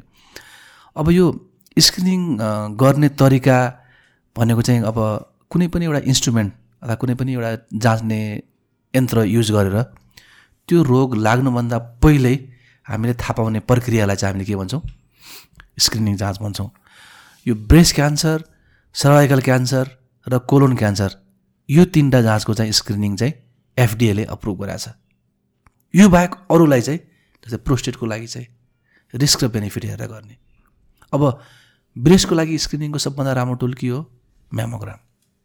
पैँतालिस वर्षभन्दा माथिकोले चाहिँ म्यामोग्राम गर्ने। एभ्री टु टु थ्री इयरमा नेपालको कन्टेक्समा त्यस्तै पाठेघरको मुखको क्यान्सरको लागि के गर्ने? प्यापिसमेर जाँच गर्ने। एक्काइस वर्षदेखि पैँसठी वर्षको महिलाहरूले। प्रत्येक तिन वर्षमा। अब यो एचपिपी डिएनए जाँच गर्ने हो भनेपछि तिसदेखि पैँसठी वर्षकोले चाहिँ पाँच वर्षमा एक्चुली गर्दा हुन्छ। अनि कोलोनको जाँच अथवा यो ठुलो आन्द्राको जाँच यसको लागि चाहिँ हामीले कोलोनोस्कोपी भन्छौँ। चाहिँ दुर्बिनले हेर्ने त्यो इन्भेसिभ प्रोसिडर हो। त्यो चाहिँ हामीले प्रत्येक दस वर्षमा एक्चुली गर्दा हुन्छ। यो तिनवटा चाहिँ पपुलेसन बेस स्क्रिनिङ भयो। अनि अरू चाहिँ हामीले चाहिँ सेयर डिसिजन मेकिङमा गर्न मिल्छ। सो क्यान्सरको ट्रिटमेन्टमा चाहिँ जुन हामीले रेडियो रेडियोथेरापीहरू भन् भन्छौँ या केमोथेरापीहरू भनेर भन्छौँ या अरू प्रोसेसहरू पनि छ होला। How is it like how does it work अब क्यान्सरको चाहिँ ट्रिटमेन्ट मोडालिटी भन्दाखेरि चाहिँ तिनवटा छ। सो एउटा एउटा अर्को कुरा क्यान्सरको भ्याक्सिन भनेर हो एक्ज्याक्टली एकदम राम्रो कुरा एचपिभी बाहेक। भ्याक हुन्छ। अब क्यान्सरमा चाहिँ अहिलेसम्म पत्ता लागेको चाहिँ तिनवटा भ्याक्सिन हो। तिनवटा दुईवटा चाहिँ प्रिभेन्ट गर्नको लागि एउटा चाहिँ ट्रिटमेन्ट गर्नको लागि। प्रिभेन्ट गर्नको लागि चाहिँ पाठेघरको मुखको क्यान्सर जुन चाहिँ एचपिभी भाइरसको अगेन्स्टमा दिन्छौँ। त्यसै गरी कलेजोको क्यान्सर अथवा एचसिसी भन्छौँ। Hepatocellular carcinoma. त्यसको अगेन्स्टमा जुन हेपाटाइटिस बीको अगेन्स्टमा भ्याक्सिन दिन्छौँ हामीले त्यो भ्याक्सिनले चाहिँ हेपाटाइटिस यो एचसिसीलाई प्रिभेन्ट गर्छ। किनकि एचसिसी अथवा कलेजोको क्यान्सर बनाउने मुख्य भाइरस भनेको चाहिँ हेपाटाइटिस बी र हेपाटाइटिस सी। हेपाटाइटिस बीको चाहिँ भ्याक्सिन भयो। हेपाटाइटिस सी चाहिँ हामीले ट्रिटमेन्ट गर्न औषधि आइसक्यो। त्यो बाहेक अर्को चाहिँ हामीले प्रोस्टेट क्यान्सरमा एउटा चाहिँ सिपु सेल टी भन्छ। चाहिँ टी सेललाई एक्टिभेट गरेर बनाएको भ्याक्सिन हो। यो भ्याक्सिन चाहिँ हामीले ट्रिटमेन्टको लागि दिन्छौँ तर यो त्यति धेरै पपुलर भइसकेको छैन। यो तिनवटा भ्याक्सिन चाहिँ अहिले चाहिँ एभाइलेबल छ। सो अगेन ट्रिटमेन्टको अरू प्रोसेसहरू चाहिँ के छ अब क्यान्सरमा चाहिँ तिनवटा मोडालिटी छ ट्रिटमेन्टको मोडालिटी एउटा चाहिँ शल्यक्रिया सर्जरी अर्को चाहिँ रेडियोथेरापी जसलाई चाहिँ हामीले विकिरण दिएर हाई डोज त्यो रेजहरू दिएर दिन्छौँ र अर्को चाहिँ किमोथेरापी अब शल्यक्रिया कहिले गर्छौँ हामीले? यदि कुनै पनि रोग चाहिँ अर्ली स्टेजमा पत्ता लगायो रेडियोथेरापी कहिले गर्छौँ? त्यस्तै सुरुकै अवस्थामा पहिचान भयो भनेपछि। र किमोथेरापी भन्दा फेरि के के पर्छ अहिले फेरि नयाँ नयाँ कुरा आएको छ। किमोथेरापीमा यो पेवर किमो मात्रै औषधि मात्रै हुन्छ। अथवा टार्गेटेड थेरापी जुन ट्याब्लेटहरू हुन्छ जस्तै मैले अघि नै भनेको थिएँ नि जस्तै इमाटिनिप जुन यो सिएमएलमा दिने ट्याब्लेट औषधि हो। क्रिजोटिनिप लोलाटिनिप धेरै टिकेहरू छ डाइरेक्सन तिनीहरू चाहिँ टार्गेटेड औषधिहरू भयो। त्यस्तै इम्युनोथेरापी। अर्को चाहिँ अहिले लेटेस्ट आइसकेको चाहिँ रगतको क्यान्सरको पक्षमा चाहिँ बोन म्यारो ट्रान्सप्लान्ट पनि गरिन्छ। त्यो सँगसँगै कार्टी सेल थेरापी यिनीहरू चाहिँ अहिले ट्रिटमेन्ट मोडालिका मोडालिटीहरू चाहिँ क्यान्सरको उसमा चाहिँ एभाइलेबल छन् संसारभरि। सो जस्तो कि यो साइड इफेक्ट्सको कुरा गरिन्छ केमोथेरापीको कुरा आउँदाखेरि हजुर। साँच्चीकै सिभियर साइड इफेक्ट्स हुन्छ कि हाउ हाउ इज इट अब किमो म त साइड इफेक्ट किमोथेरापीको मात्रै होइन। इभन हामीले खाना पनि धेरै खायो भने त्यसको साइड इफेक्ट हुन्छ। भनेको there is no free lunch in this world भने कुनै पनि चिज हामीले प्रयोग गर्छौँ त्यसको केही न केही साइड इफेक्ट हुन्छ। र डेफिनेटली किमोथेरापीको पनि साइड इफेक्ट हुन्छ। तर हामीले साइड इफेक्टलाई मात्रै जानुभन्दा पनि पहिला हामीले चाहिँ के कुरा गर्नु पऱ्यो भनेपछि यसको मेकानिजम अफ एक्सन के हो? यसले कसरी काम गर्छ? जस्तै मैले भनेको थिएँ अघि नै क्यान्सर भनेको अनकन्ट्रोल अनवान्टेड ग्रोथ हो यो अनकन्ट्रोल अनवान्टेड ग्रोथलाई मार्नको लागि चाहिँ प्रयोग हुने औषधि जुन चाहिँ क्यान्सरमा प्रयोग हुन्छ त्यसलाई चाहिँ हामीले किमोथेरापी भन्छौँ। यसले के गर्छ भनेपछि यो अनकन्ट्रोल अनवान्टेड सेललाई पनि मार्छ तर सँगसँगै चाहिँ हाम्रो डिभाइडिङ सेल पनि हुन्छ। उदाहरणको लागि आज हामीले कपाल काट्यौँ भोलि कपाल आउँछ भनेको यो कपालको कोशिकाहरू चाहिँ प्रत्येक दिन डिभाइड मर्ने र बाँच्ने भएर आउँछ। त्यसै गरी हामीले खाना खाने मुखदेखि दिशा गर्ने मलद्वारसम्मको जुन लाइन छ नि फुड पाइप लाइन। यो लाइनको कोशिकाहरू पनि प्रत्येक दिन मर्ने र बाँच्ने हुन्छ। किन हुन्छ? किनकि हामी खाना खान्छौँ घस्रन हुन्छ फ्रिक्सन हुन्छ। फ्रिक्सनले गर्दाखेरि चाहिँ यहाँ कोशिकाहरू चिप्लेर जान्छन्। त्यसै गरेर हाम्रो स्पम बनाउने। होइन? यिनीहरू पनि प्रत्येक दिन मर्ने र बाँच्ने हुन्छ। र यो केमोथेरापीले चाहिँ के गर्छ भनेपछि? अनकन्ट्रोल अनवान्टेड सेललाई पनि मार्छ सँगसँगै यी कोशिकाहरू पनि मर्छन्। त्यही भएर केमो दिइसकेपछि कपाल झर्ने भमिटिङ आउने डायरिया हुने अथवा कब्जियत हुने अथवा इन्फर्टिलिटी हुने जस्तै हामीले यङ मान्छे कसैलाई अन्डकोशो क्यान्सर भएको छ अथवा कोलोन क्यान्सर भएको छ भने हामीले चाहिँ पहिला चाहिँ यो फर्टिलिटी प्रिजर्भेसनको लागि अथवा यो फर्टिलिटी काउन्सिलिङ गर्छौँ उनीहरूलाई। त्यसको लागि चाहिँ अब अहिले चाहिँ के प्रोसेस आइसक्यो स्पियम स्पमहरूलाई चाहिँ हामीले प्रिजर्भ गर्न सकिन्छ। जसले गर्दाखेरि भविष्यमा आइयुआई अथवा आइबिएफहरू यस्ता टेस्ट पनि गर्न सकिन्छ। त्यही भएर यसको मेकानिजम एक्सन त्यो। तर राम्रो कुरा के छ भनेपछि जति पनि साइड इफेक्टहरू छन् नि कपाल झर्ने भमिटिङ हुने डायरिया हुने कब्जियत हुने जिउमा थकान लाग्ने यस्ता साइड इफेक्ट चाहिँ अहिले हाम्रो मोडर्न मेडिसिनले सबैलाई हामीले कन्ट्रोल गर्छौँ। त्यो कन्ट्रोल गर्न सकिन्छ। अझ त कपाल झर्नको लागि त म त के भन्छु भने तपाईँहरू अति नै हुँदैन। आज कपाल झर्छ यो ट्रिटमेन्ट सकिसकेपछि त्योभन्दा झन् राम्रो कपाल आउँछ। त्यही भएर चाहिँ अहिलेको साइड इफेक्ट चाहिँ डरलाग्दो साइड इफेक्ट छैन। पहिला पहिला के हुन्थ्यो भनेपछि केमो दिइसकेपछि हाम्रो जुन बोन म्यारो बोन म्यारो पनि प्रत्येक दिन कोशिका बनाउँछ। जस्तै RBC red blood cell white blood cell प्लेटलेटहरूको त आरबिसीको आयु जम्मा एक सय बिस दिन। डब्लुबिसीमा चाहिँ न्युट्रोफिल युसोनिफिल यिनीहरूको आयु जम्मा एक डेढ घन्टा मात्रै हो। प्लेटलेटको आयु जम्मा सात दिन मात्रै हो। त्यही भएर यिनीहरू न्युट्रोपिनियाहरू हुने थ्रोम्बोसाइटोपेनियाहरू हुने केमोले गर्दाखेरि हुन्छ। तर हामीसँग अहिले चाहिँ ग्रोथ फ्याक्टर बढाउने चाहिँ मेडिसिनहरू छन्। त्यही भएर तिस कम्प्लिकेसनहरू अहिले छैनन्। त्यही कारणले गर्दाखेरि किमोथेरापी चाहिँ पहिला जस्तो डरलाग्दो र अप्ठ्यारो छैन। अहिले त हामीले फेरि अर्को कुरा के छ भने चाहिँ यसमा चाहिँ उदाहरणको लागि तपाईँ र मलाई क्यान्सर भयो अरे मानौँ। एउटा अथवा दुईजना अर्को मान्छेलाई चाहिँ ज्वरो आयो। अथवा हाम्रै केस कुरा गरौँ न हामी दुइटालाई चाहिँ ज्वरो आयो अरे तपाईँ र मलाई तपाईँले खाने पनि एउटा सिटामल हो मैले खाने पनि एउटा सिटामल हो सुरुको अवस्थामा। तर तपाईँ र मलाई सेम क्यान्सर भयो भनेपछि तपाईँको वेट फरक छ। हाइट फरक छ। मेरो वेट फरक छ हाइट फरक छ। हाम्रो वेट र हाइट अनुसारको औषधि जान्छ। इभन क्यान्सर त्यही क्यान्सर हो त्यही स्टेजको छ सबै कुरा सेम छ भने पनि हामीले पाउने डोज फरक हुन्छ। जति हाम्रो जिउले थेक्छ त्यतिले मात्र मात्र पाउँछ हामीले। त्यही कारणले अहिलेको अवस्थामा चाहिँ chemotherapy is very very safe. So क्यान्सरको कुरा गर्दाखेरि चाहिँ दिस इन्डस्ट्री अलिकति डिबेटेड छ इन द सेन्स द्याट अलिक कन् कन्ट्रोभर्सी थियोरिजहरूले सराउन्ड गर्छ यसलाई सेङ द्याट क्यान्सरको जुन इजी वेमा ट्रिट हुन सकिन्थ्यो अर जुन चाहिँ नेचुरल प्रोसेसबाट ट्रिट गर्न सकिन्छ त्यसलाई सप्रेस गरेर आएको छ। किनभने चाहिँ like it's a huge industry र त्यहाँबाट चाहिँ it's a profit making mechanism यो कुरामा चाहिँ कतिको ट्रुथ छ?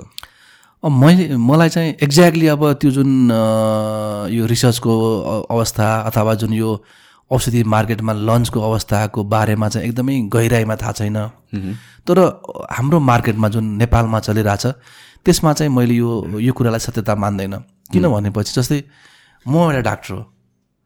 मेरो चाहिँ गोल के हुन्छ भनेपछि मैले म कसरी ठुलो मान्छे हुन्छु जब मेरो बिरामीलाई ठिक हुन्छ? जब जुन दिन मेरो बिरामी सेटिस्फाई हुन्छ अनि बल्ल म सेटिस्फाई हुन्छु मेरो वेट बढ्ने जस्तै अब आज तपाईँले मलाई बोलाउनुको कारण पनि त्यही हो। किनकि मेरा थुप्रै बिरामीहरू ठिक भएको छन्। उनीहरूको एउटा पोजिटिभ रेस्पोन्स र फिडब्याकले गर्दाखेरि तपाईँले मलाई बोलाउनु भयो त्यही भएर अनि जसले पनि मलाई लाग्छ हाम्रो मान्छेको एउटा नेचरै के हो भनेपछि हामी जहिले पनि हाम्रो हातबाट राम्रै होस् भन्न चाहन्छौँ। त्यही भएर यो जुन कुराहरू छन् नि कसैले अब यो महँगो छ यताउता भन्छन् तर राम्रो कुरा के छ भनेपछि अहिले त हामीले नेपालमा क्यान्सरको उपचार महँगो छ भन्नै मिल्दैन। अथवा पैसा नपाएर कोही पनि क्यान्सर बिरामी मर्दैन नेपालमा किनकि गभर्मेन्टले एक लाख रुपियाँ दिइरहेछ। त्यसपछि प्रदेश सरकार छ जस्तै प्रदेश नम्बर तिन काठमाडौँले आफ्नो यो जुन प्रदेश नम्बर तिनको जुन काठमाडौँ उसको प्रदेश छ नि यो प्रदेशले पचास हजार एक्स्ट्रा दिन्छ लुम्बिनी प्रदेशले दुई लाख रुपियाँ दिन्छ गण्डकीले पनि दुई लाख रुपियाँ दिन्छु भनेको छ भनेपछि यो पैसाले चाहिँ हामीले के गर्छ भने कम्प्लिट उपचार नपुग्ला। तर यसले त सुरुमै आतिनुपर्ने अवस्था आउँदैन नि। हामी सुरुको इनिसियल ट्रिटमेन्ट त हुन्छ। अनि एटलिस्ट पाँच छ महिना हामीले बाई गर्न सक्यौँ। त्यो गर्दाखेरि के भयो? पैसा पनि खोज्न सकियो। आजको भोलि पो खोज्न गाह्रो हुन्छ तिन चार महिना त खोज्न सजिलो हुन्छ। त्यही भएर यी कुराहरूमा त्यति सत्यता छैन जस्तो लाग्छ मलाई। तर अब ओभरअल ग्लोबल कन्टेक्स्ट ग्लोबल कन्टेक्स्टमा चाहिँ हो कि किनकि क्यान्सरका औषधि सुरुमा आउँदाखेरि महँगा हुन्छन्। पछि त्यो बिस्तारै घट्दै जान्छन्।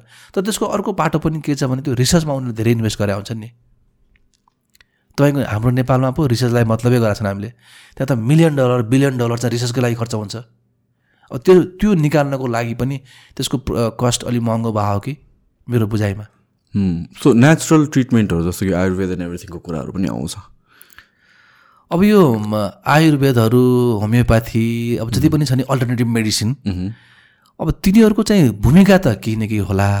तर चाहिँ क्यान्सरै ठिक पार्छु अथवा क्यान्सरै निर्मूल हुन्छ भन्ने कुरामा चाहिँ सत्यता छैन जस्तो लाग्छ मलाई। किनकि हामी पनि कति बिरामीहरू चाहिँ भड्किएर अथवा कहिले चाहिँ यो मलाई लाग्छ जो चाहिँ सर्टिफाइड यो आयुर्वेदिक होस् होमियोप्याथिक हो उनीहरूले चाहिँ कहिले पनि यो कुरा गर्दैन जस्तो लाग्छ मलाई। यो एकदमै झन् यो टाइम एकदमै क्रिटिकल फ्याक्टर भएको डिजिजमा अरू ठाउँमा अल्झिएर त यसले त झन् टाइम वेस्ट गरिदिन्छ नि मान्छेको लाइफ त। एक्ज्याक्ट त्यही भएर अहिले हामीले भनिरहेको नै कसरी हुन्छ हामी समयमै जानु पऱ्यो त्यहाँ। तर हाम्रो विडम्बना के छ भनेपछि हामी सबै इमोसनल हुन्छौँ भावुक हुन्छौँ। हामी रियल जानु डाक्टरकोमा जानुभन्दा पहिला सयौँजना घर वरिपरिका डाक्टरसँग भुलिन्छौँ हामी। हो हो। त्यही डाक्टरसँग हामी हराउँछौँ। तर मेरो सल्लाह के छ भने तपाईँहरू चाहिँ कुनै पनि विधामा जानुहोस्। सर्टिफाइड डाक्टर हो कि होइन? मलाई लाग्छ जसले चाहिँ यो आयुर्वेदिक पढा हुन्छ होमियोप्याथी जसले पढा छ रियलमा तिनीहरूले कहिले पनि मिसलिड गर्दैन जस्तो लाग्छ मलाई। किनकि हामी सबै डाक्टरको धर्म जुन हाम्रो यो मेडिसिनको प्र्याक्टिस गर्ने तरिका भए पनि हाम्रो अल्टिमेट गोल के हो भने हामीले उपचार गरेको बिरामी ठिक हुनुपर्छ। जब बिरामी ठिक हुन्छ अनि बल्ल पो हाम्रो ग्रोथ हुन्छ। र अनि हाम्रो यत्रो समय हामीले इन्भेस्ट किन गर्छौँ? यही एउटा बिरामीलाई ठिक पार्न भन्ने त हो नि। त्यही भएर मलाई लाग्छ जति पनि यो मिसलिड भइरहेछ तिनीहरू चाहिँ अथेन्टिक नभएर सो कल्डहरूबाट हो कि। भनेर चाहिँ एक्चुली चाहिँ यो सम्बन्धित निकायहरूले पनि यो विषयमा चाहिँ गहन अध्ययन र सोधपुछ गर्न जरुरी छ। सो क्यान्सरको डक्टर भन्ने बित्तिकै आई वुड अज्युम डिफ्रेन्ट क्यान्सरको लागि डिफ्रेन्ट डक्टर हुन्छ कि? कि एउटा काइन्ड अफ कि like cancer as a career कसरी एकदमै start राम्रो गर्न भन्नु सकिन्छ? अहिलेसम्म अब हाम्रो इस्टाब्लिस भएको यो मेडिसिन भनेको चाहिँ एलोपेथिक मेडिसिन जुन चाहिँ हामी मोडर्न मेडिसिन भन्छौँ। अब क्यान्सरको पनि उपचार गर्ने धेरै किसिमका डक्टर छन्। अब यो बेसिकली चाहिँ यो क्यान्सरमा चाहिँ तिन किसिमको डक्टर छ। एउटा चाहिँ सर्जिकल अन्कोलोजिस्ट भन्छौँ जसले चाहिँ अपरेसन गर्छन्। अर्को चाहिँ रेडिएसन अन्कोलोजिस्ट जसले चाहिँ रेडियोथेरापी गर्छौँ। त्यसै गरी मेडिकल अन्कोलोजिस्ट म जस्तो डक्टरहरू चाहिँ हामी चाहिँ मेडिकल अन्कोलोजिस्टमा अब हामी कसरी यहाँसम्म पुग्छौँ भन्दाखेरि हाम्रो बेसिक चाहिँ सबैको सेम हुन्छ। त्यो भनेको हामी सबै एमबिबिएस गर्छौँ। एमबिबिएस गरिसकेपछि हामी मेडिकल अन्कोलोजिस्ट हुनको लागि चाहिँ एमडी गर्नु पऱ्यो त्यो चाहिँ इन्टरनल मेडिसिनमा त्यसपछि चाहिँ हामी मेडिकल अन्कोलोजिस्ट सुपर स्पेसलाइज गर्नु पऱ्यो अब नेपाल र इन्डियामा चाहिँ के छ भनेपछि एमबिबिएस एमबिबिएस पछि तिन वर्ष एमडी इन्टरनल मेडिसिन त्यसपछि डिएम मेडिकल अन्कोलोजी र नेपाल र इन्डिया पढ्ने यो देश बाहेक अरू ठाउँमा चाहिँ बङ्गलादेश म बङ्गलादेशमा पढेँ। बङ्गलादेश पाकिस्तान अमेरिका बेलायतमा चाहिँ के छ भनेपछि एकैचोटि एमबिबिएस पछि हाइएस्ट मेडिकल डिग्री छ एमडी हो यसमा चाहिँ कस्तो हुन्छ भने हाम्रो चाहिँ एकैचोटि पाँच वर्षको डिग्री हुन्छ। जस्तै मैले चाहिँ पढ्दाखेरि चाहिँ एमबिबिएस गरेँ त्यसपछि दुई वर्ष एमडी इन्टरनल मेडिसिन र त्यसपछि हामीले मेडिकल अन्कोलोजी गऱ्यौँ। तर यहाँ चाहिँ नेपाल र इन्डियामा चाहिँ अलिकति फरक छ। तर ओभरअल चाहिँ पढाउने चाहिँ टेक्निक त्यही हो। अब हाम्रो काम के हो भन्दा सर्जिकल अन्कोलोजीले चाहिँ अपरेसन गर्छ। अल काइन्ड अफ क्यान्सरको सर्जरी हो क्यान्सरको सर्जरी रेडिएसनले चाहिँ जति पनि सेक्ने जहाँ पनि टाउकोदेखि खुट्टासम्म जता सेक्ने पनि उनीहरूले गर्छन्। हामी मेडिकल अनुसले के गर्छौँ भनेपछि केमोथेरापी टार्गेटेड थेरापी इभन जति पनि औषधि दिने काम छ क्यान्सरको लागि। र फिजिसियन भनौँ न यो चाहिँ हेर्ने चाहिँ मेडिकल अन्कोलोजिस्टले सो फर्स्टमा कोही क्यान्सर पेसेन्ट आयो भने चाहिँ मेडिकल अन्कोलोजिस्टमा आउनु पऱ्यो बेसिकली यो ड्राइभर अन्कोलोजीको चाहिँ ड्राइभर अथवा कोअर्डिनेटर भन्छ नि पाइलट मेडिकल अन्कोलोजी भनेर यो संसारभरि नै यसरी मान्ने चलन छ। जुन कुरा हामीले अरू देश अरूमा पनि हेर्न सक्छौँ जस्तै उदाहरणको लागि मुटुको डाक्टरको लागि। मुटुमा चाहिँ कार्डियोलोजिस्ट र कार्डियोथोरासिस सर्जन हुन्छ। कुनै पनि बिरामी मुटुको भने पहिला सुरु हामी कार्डियोलोजिस्टमा जान्छौँ। अनि कार्डियोलोजिस्टले इभ्यालुएसन गरेर त्यसलाई चाहिँ सर्जरीमा पठाउने कि आफै उपचार गर्ने अथवा इन्टरभेन्सन कार्डियोलोजिस्टमा पठाउने। त्यो गर्छ। त्यसरी नै क्यान्सर लागिसकेपछि खास आउनुपर्ने चाहिँ हामी मेडिकल अन्कोलोजिस्टहरूकोमा हो। अनि हामीले चाहिँ इभ्यालुएसन गरेर कुन बिरामीलाई चाहिँ सर्जरी चाहिन्छ कसलाई चाहिँ रेडियोथेरापी चाहिन्छ र कसलाई केमोथेरापी चाहिन्छ। किनकि यो त फिजिसियनको धर्म पनि हो नि। त्यही भएर क्यान्सरको फिजिसियन भनेको चाहिँ हामी मेडिकल अन्कोलोजिस्टहरू हो। सो अघि तपाईँले एउटा इन्ट्रेस्टिङ कुरा आउनुभएको थियो जुन यो सर क्यान्सर सर्भाइभरहरूको ग्रुप छ भनेर। आई वुड चाहिँ उहाँहरूको मेन इम्पोर्टेन्ट रोल किनभने डक्टरले मेन हेर्ने हो सबै कुरा त खासमा। तर उहाँहरूको रोल के हुन्छ भनेपछि एउटा रे अफ होप देखाउने पेसेन्टहरूलाई जो अहिले they are going through that stage which is difficult they feel like हुन्छ नि। म मात्र मलाई मात्र भएको हो कि के हुने हो फ्युचर अनसर्टन भएको बेलामा उहाँहरूले होप देखाउने हो। सो यो जुन मोटिभेसनल फ्याक्टर भयो एउटा होइन? त्यसले गरेर एउटा क्यान्सर सर्भाइभरलाई चाहिँ फिजियोलोजिकल लेभलमै बेटर पार्छ कि कि is it just a feel good kind of thing एकदमै इन्ट्रेस्टिङ र यो मलाई लाग्छ अहिलेको सबभन्दा बेस्ट क्वेसन नै हो तपाईँको। अब क्यान्सरमा चाहिँ अरू रोगभन्दा अलिकति फरक के छ भनेपछि क्यान्सरको चाहिँ ट्रिटमेन्ट अप्रोच मैले अघि नै तिनवटा भने तर त्यो डाक्टरको पर्सपेक्टिभमा हो। तर एज अ पेसेन्टको पर्सपेक्टिभमा चाहिँ हामीले जब त्यो स्क्रिनिङबाट हामीले केही कुरा डायग्नोज गर्छौँ नि देखिन्छ नि त्यो। त्यो डिटेक्सन गरिदे गरे गरेबाट एन्ड अफ लाइफ केयर मृत्युसम्म चाहिँ क्यान्सरको उपचारभित्र पर्छ। अर्को कुरा अब अहिलेको हाम्रो संसारमा के छ फेरि पनि क्यान्सर हेज नो एन्सर यो कुरालाई चाहिँ देखाउने अथवा देखिने कुरा भनेको सर्भाइभरहरू हो। उनीहरूले के के रोल खेल्छन् भनेपछि अब अहिले यस्तो पनि छ क्यान्सर रोग लाग्यो भने कसैले बोल्दै बोल्दैन तपाईँसँग कुरै गर्न आउँदैन। दे थिङ्क कि अब he is going to die today tomorrow so we are not giving him any responsibilities त्यसलाई भेटेर पनि काम छैन। किनकि स्वार्थी संसार छ। त्यो कुरालाई पनि परिवर्तन ल्याउन लागि पनि सर्भाइभरहरूको चाहिँ एकजुट आवश्यक छ। अनि अर्को कुरा के छ भनेपछि एउटा त भयो परि परिवारमा पनि। परिवारले पनि के चाहन्छ भने चाहिँ यसलाई क्यान्सर लाग्यो हाम्रो पैसा खर्च हुन्छ बाँच्दैन भनेर उनीहरूको आफ्नै टेन्सन हुन्छ। उसलाई केयरै गर्दैनन् जब हामीले क्यान्सर सर्भाइभर देख्छौँ के भन्छ परिवारलाई पनि के बोल्छ ए त्यो त बाँचा छ। If he is doing good thing why not मेरो मान्छे किन हुँदैन? त्यो एउटा जुन साइकोलोजिकल सपोर्ट जब परिवारको साइकोलोजिकल सपोर्ट हुन्छ बिरामीलाई त्यसपछि त मोरल त्यत्तिकै बुस्ट भइहाल्यो। अनि त्यो गरिसकेपछि औषधिले पनि काम गर्ने। अझै बढी हुन्छ। कति स्टडीले त के देखाएको छ भनेपछि जुन क्यान्सर बिरामीलाई परिवारको सपोर्ट एकदम राम्रो छ जो बिरामी चाहिँ सेटिस्फाई छ त्यसको चाहिँ आउटकम चाहिँ एकदम राम्रो देखाएको छ। अनि अर्को फाइनेन्सियल कुरा आयो। अब क्यान्सरको अहिले सर्भाइभर सोसाइटी जो नेपालमा छन् उनीहरूले चाहिँ केसम्म गर्छन् भनेपछि कोही बिरामीहरू जसको चाहिँ परिवारमा पैसै छैन एकदम गरिबी छ भनेपछि उनीहरूले पनि विभिन्न संस्थाहरूसँग कोलाबोरेसन गरेर पनि हेल्प गर्छन्। त्यही भएर यसमा चाहिँ के भयो एउटा कहिलेकाहीँ चाहिँ फेरि के हुन्छ उनीहरू आफै आएर पनि काउन्सिलिङ गरिदिन्छन्। केसम्म भनिदिन्छन् उनीहरू चाहिँ मलाई पनि तपाईँ जस्तै रोग थियो। मैले पनि केमो लाएँ? मलाई यस्तो भयो। म केमो लाउँदाखेरि कतिचोटि त म अब केमो लाउँदैन म जान्छु भनेर पनि आउनुभयो। अपरेसन गर्दैन भने दस बाह्रचोटि अपरेसन पनि गर्नेहरू पनि छन्। तर अहिले हेर्नु म मजाले हिँडिरहेको छु हाँसिरहेको छु अन्तिममा त जीवन प्रिय हो नि त। त्यही भएर यो सर्भाइभर ग्रुपले चाहिँ ग्रुपले चाहिँ फिजिकल मेन्टल स्पिरिचुअल फाइनेन्सियल र सोसल सपोर्ट गर्छन्। अर्को महत्त्वपूर्ण कुरा के छ? अघि नै हामीले कुरा निकाल्यौँ नि। यहाँ चाहिँ सोकल हामीले आयुर्वेदिक अथवा हामी अङ्कोलोजिस्ट अथवा हामी एलोपेथिसियन तिनीहरूले पनि ठग्ने बाटो जुन छ नि जस्तै हामीले कति सुन्छ जमराको पानी खाएर क्यान्सर रोग निको हुन्छ होइन? के यो गो गोसाइकुण्डको पानी खाएर निको हुन्छ। होइन? सागर माथाको के अरे त्यो के भन्छ नि एउटा त्यो किसिमको औषधि यासा गुम्बा यासा गुम्बा यासा गुम्बा खाएर ठिक पार्छ भन्ने। हो यस्ताहरूलाई पनि कन्ट्रोल गर्ने चाहिँ यिनीहरू आयो भने हुन्छ। कन्भिन्सिङ फ्याक्टर कन्भिन्सिङ फ्याक्टर भयो नि त। त्यही भएर यसको लागि पनि यो हाम्रो ग्रुप चाहिँ एकदमै जरुरी छ। यो जुन किमोथेरापी एकदमै ड्रेडेड एउटा ट्रिटमेन्ट मेथड हो मान्छेहरू they don't want to do it सकेसम्म काइन्ड अफ भन्ने कुरा हुन्छ। खासमा किमोथेरापी थेरापी हुने के हो? गाह्रो हुने चाहिँ कुरा के हो? अब यसलाई पनि म म- यसको अगेन्स्टमा छु। यो कुरा रियालिटी होइन. अहिले हाम्रो क्यान्सरको नाइन्टी फाइभ पर्सेन्ट बिरामी डे केयर बिरामी हो। डे केयर भनेको त्यो बजारलाई भर्ना हुनु पर्दैन। बिहान आउने केमो लाउने घर जाने। ओके हामीले कसलाई भर्ना गर्छौँ? जसको चाहिँ जिआई मेलिग्नेन्सी जस्तै हाम्रो एउटा किमोथेरापी फल फक्सहरू यस्ता छन् जुन चाहिँ हामीले लामो फल फ्री फल फक्स फल फ्री यी केमोहरूको लागि मात्र हामी भर्ना गर्छौँ। किनभने युजली पर्सेप्सन के छ र जुन मुभीहरूमादेखि लिएर एभ्रिवेयर देखाइन्छ मिडियामा क्यान्सर लाग्यो भनेपछि कपाल झरेको मान्छे चल्न नसक्ने मान्छे अनि त्यसपछि हेलुसिनेसन स्टेटमा भएको मान्छे। र त्यो भने किमोथेरापीको इफेक्ट्स हो भनेर देखाइन्छ। मलाई म त के भन्छु भने यसलाई पनि हामीले चेन्ज गर्नुपर्छ र म यो सबै यो मुभी बनाउने हाम्रो यो जुन मिडियामा काम गर्ने साथीहरूलाई पनि के रिक्वेस्ट गर्न चाहन्छु भनेपछि तपाईँहरूले चाहिँ फिल्मको सिनमा कोही मान्छे मर्नु पऱ्यो भने क्यान्सर लाएर मारिदिने। त्यो चाहिँ हो। त्यसलाई चेन्ज गरौँ न। क्यान्सर लाएर पनि बचेको देखाउँ न। त्यो त रियालिटी पनि हो नि। अनि उहाँहरूको पनि ठुलो रोल छ यो चाहिँ यो नेगेटिभ मेसेज फैलाउनमा।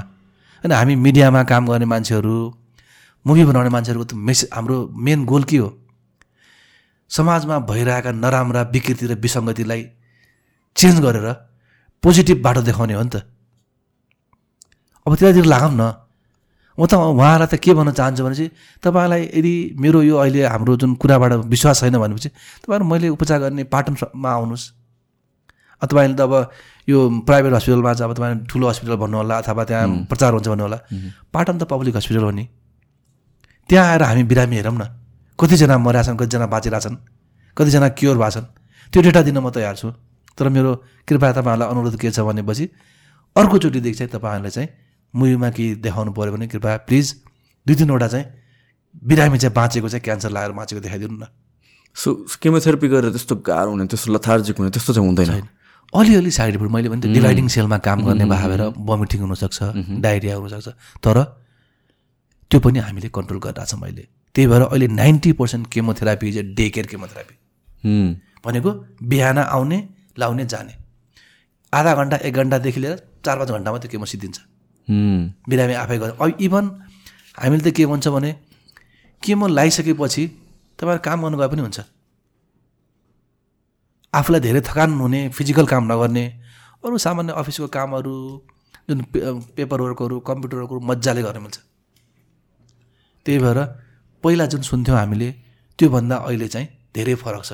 यो के मानेमा फरक छ भनेपछि मैले अघि न उदाहरण दिएको थिएँ नि जस्तै ज्वरो आयो सिटामल खानु पऱ्यो टाउको दुख्यो सिटामल खान्छौँ हामीले।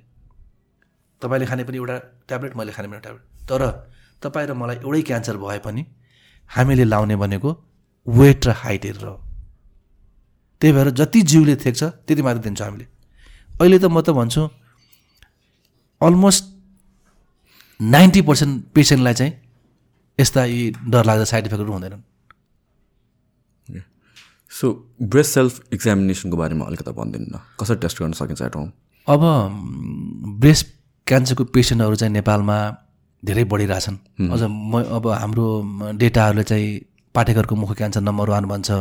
तर मैले काम गर्ने संस्थामा चाहिँ ब्रेस्ट क्यान्सर नै नम्बर वान छ। अब पहिले पहिले चाहिँ पचास पचपन्न वर्- वर्षभन्दा माथिको महिलाहरूलाई चाहिँ ब्रेस्ट क्यान्सर देखिन्थ्यो। अहिले चाहिँ त्योभन्दा कम उमेरको महिलाहरूलाई पनि देखिन्छ ब्रेस्ट क्यान्सर अब हाम्रो देशको चाहिँ एउटा जोग्राफिकल कन्सटेन्ट अब फाइनेन्सियल कन्सटेन्ट छ हामी धेरै गरिबी छौँ।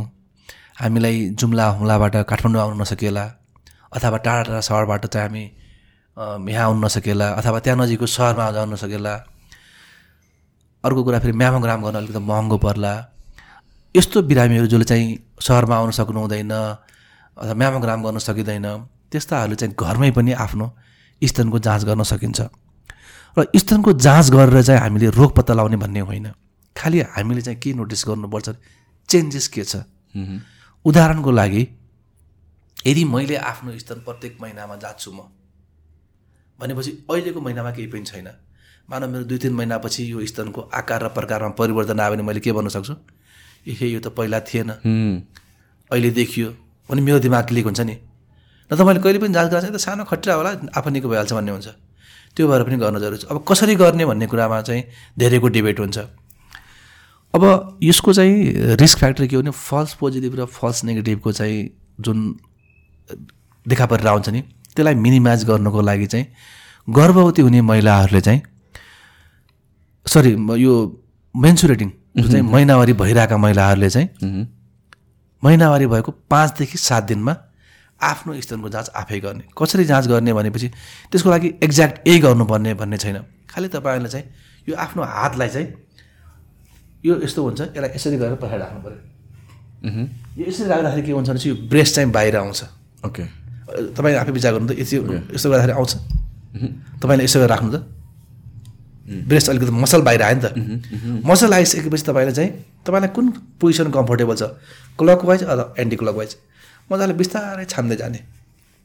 यसरी छाम्दै छाम्दै छाम्दै गरे अनि निपलमा पुगिसकेपछि निपललाई चाहिँ अलिकति त हामीले च्याप्ने।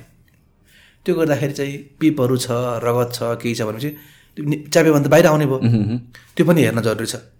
यदि त्यस्तो पिप आयो रगत आयो भने पनि हामीले तुरुन्त जानु पऱ्यो अनि अरू कुरा केही नयाँ आकार र प्रकारमा केही परिवर्तन आयो कि आएन। त्यसै गरी अर्को हात पनि यसरी गर्ने अनि मजाले जाँच्ने। यो चाहिँ हामीले महिनावारी हुने महिलाहरूले जो चाहिँ प्रेग्नेन्ट छ अथवा जसको चाहिँ महिनावारी सुकिसक्यो। किनकि प्रेग्नेन्सीमा त महिनावारी हुँदैन। महिनावारी सुकिसकेको महिलाहरूको महिनावारी हुँदैन। त्यो महिलाहरूले चाहिँ प्रत्येक महिनाको एउटै दिनमा फर इक्जाम्पल आज चाहिँ अक्टोबरको एकतिस। एकतिस तारिक भयो। भनेपछि हामीले चाहिँ आज गर्ने अनि नोभेम्बरको एकतिस तारिकमा फेरि ब्रेस्टको जाँच गर्ने। यो गर्दाखेरि के हुन्छ भनेपछि हामीले रोग पत्ता लगाउने खालि चेन्जेस डिटेक्ट गर्ने। अनि त्यो चेन्जेस डिटेक्ट गरिसकेपछि बल्ल हामी जान पाइयो अथवा हामीले आफ्नो दिदीबहिनीलाई भाइलाई अथवा कसैलाई पनि सेयर गर्न सकियो। त्यति मात्रै गऱ्यो भने पनि हामीले नाइन्टीदेखि नाइन्टी फाइभ पर्सेन्ट चाहिँ ब्रेस्ट क्यान्सरलाई चाहिँ हामीले समयमै डिटेक्ट गर्न सक्छौँ। र यदि ब्रेस्ट क्यान्सरलाई हामीले अर्ली डिटेक्सन गऱ्यौँ भनेपछि it is again hundred percent curable र अहिले चाहिँ ब्रेस्ट क्यान्सरले गर्दाखेरि अप्रोक्सिमेटली दिनमा नेपा तिनजना नेपाली महिलाहरूको मृत्यु हुन्छ। जुन क्यान्सर चाहिँ यदि हामीले समयमै पहिचान गऱ्यो भनेपछि जिरो जा जिरो पर्सेन्ट अनि त्यही भएर हामीले जिरो डेथ फ्रम ब्रेस्ट क्यान्सरको लागि चाहिँ we need to do the breast self examination जुन चाहिँ घरमै बसेर गर्न सकिन्छ। सो आई थिङ्क हामीले मेजोरिटी कुराहरू कभर गर्छौँ। केही बाँकी छ केही लास्टमा केही एड गर्नुपर्ने छ भने यसो छुट्टै जस्तो छ भने भनिदिनु। अब मेरो चाहिँ सबैलाई के छ नम्र निवेदन भनौँ न। क्यान्सर चाहिँ पहिला जस्तो डरलाग्दो रोग होइन। जसरी पहिला भन्थ्यो नि क्यान्सर ह्याज नो एन्सर अब अहिले मेडिकल साइन्सको विकास भइसकेपछि cancer has multiple answer even cancer hundred percent curable पनि भइरहेछ। अझ म त के भन्छु भनेपछि समयमै पहिचान समयमै उपचार गऱ्यो भनेपछि यो रोग डायबिटिज प्रेसर थाइरोइडभन्दा पनि राम्रो रोग हो। र हामीले सबै काम गर्न सकिन्छ। त्यही भएर तपाईँको शरीरमा कुनै पनि आकार प्रकारमा परिवर्तन आयो अथवा नयाँ लक्षणहरू देखियो। इभन ज्वरो आयो जुन चाहिँ सामान्य उपचार गर्दाखेरि निको भएन। अथवा हामीले चाहिँ आछ्यौँ गर्दाखेरि खकारमा रगत देखियो अथवा छाती दुख्यो अथवा पेट दुख्यो अथवा दिशा भनौँ न कहिले डाइरिया हुन्छ कहिले चाहिँ कन्स्टिपेसन हुन्छ तर हामीले सिम्पल उपचार नर्मल उपचार गर्दाखेरि निको भएन। जुन चाहिँ भइरहेछ भनेपछि कतै तपाईँलाई चाहिँ क्यान्सर भयो कि भनेर बुझ्न जरुरी छ। र त्योलाई चाहिँ लुकाएर नराख्नु होला। अनि अहिलेको जीवन अहिलेको संसारमा चाहिँ हाम्रो लाजको अङ्ग भन्ने केही पनि छैन। सबै अङ्ग इम्पोर्टेन्ट अङ्ग हो। यो लाजको अङ्ग यसलाई नदेखाउने यो राम्रो अङ्ग देखाउने भन्ने होइन। हाम्रो आवश्यकता भयो भने हामीले सबै कुरालाई चाहिँ हामीले चाहिँ सेयर गर्नुपर्छ। सबै अङ्गको बारेमा कुरा गर्नुपर्छ। यति गर्न सक्यौँ भनेपछि मलाई लाग्छ हामी चाहिँ विभिन्न रोगहरूबाट चाहिँ समयमै हामीलाई थाहा पनि हुन्छ। र बस्न पनि सक्छौँ। त्यही नै सबैको हितमा छ। हस् doctor thank you so much for coming thank you नमस्ते। हस् नमस्ते। हस् बाई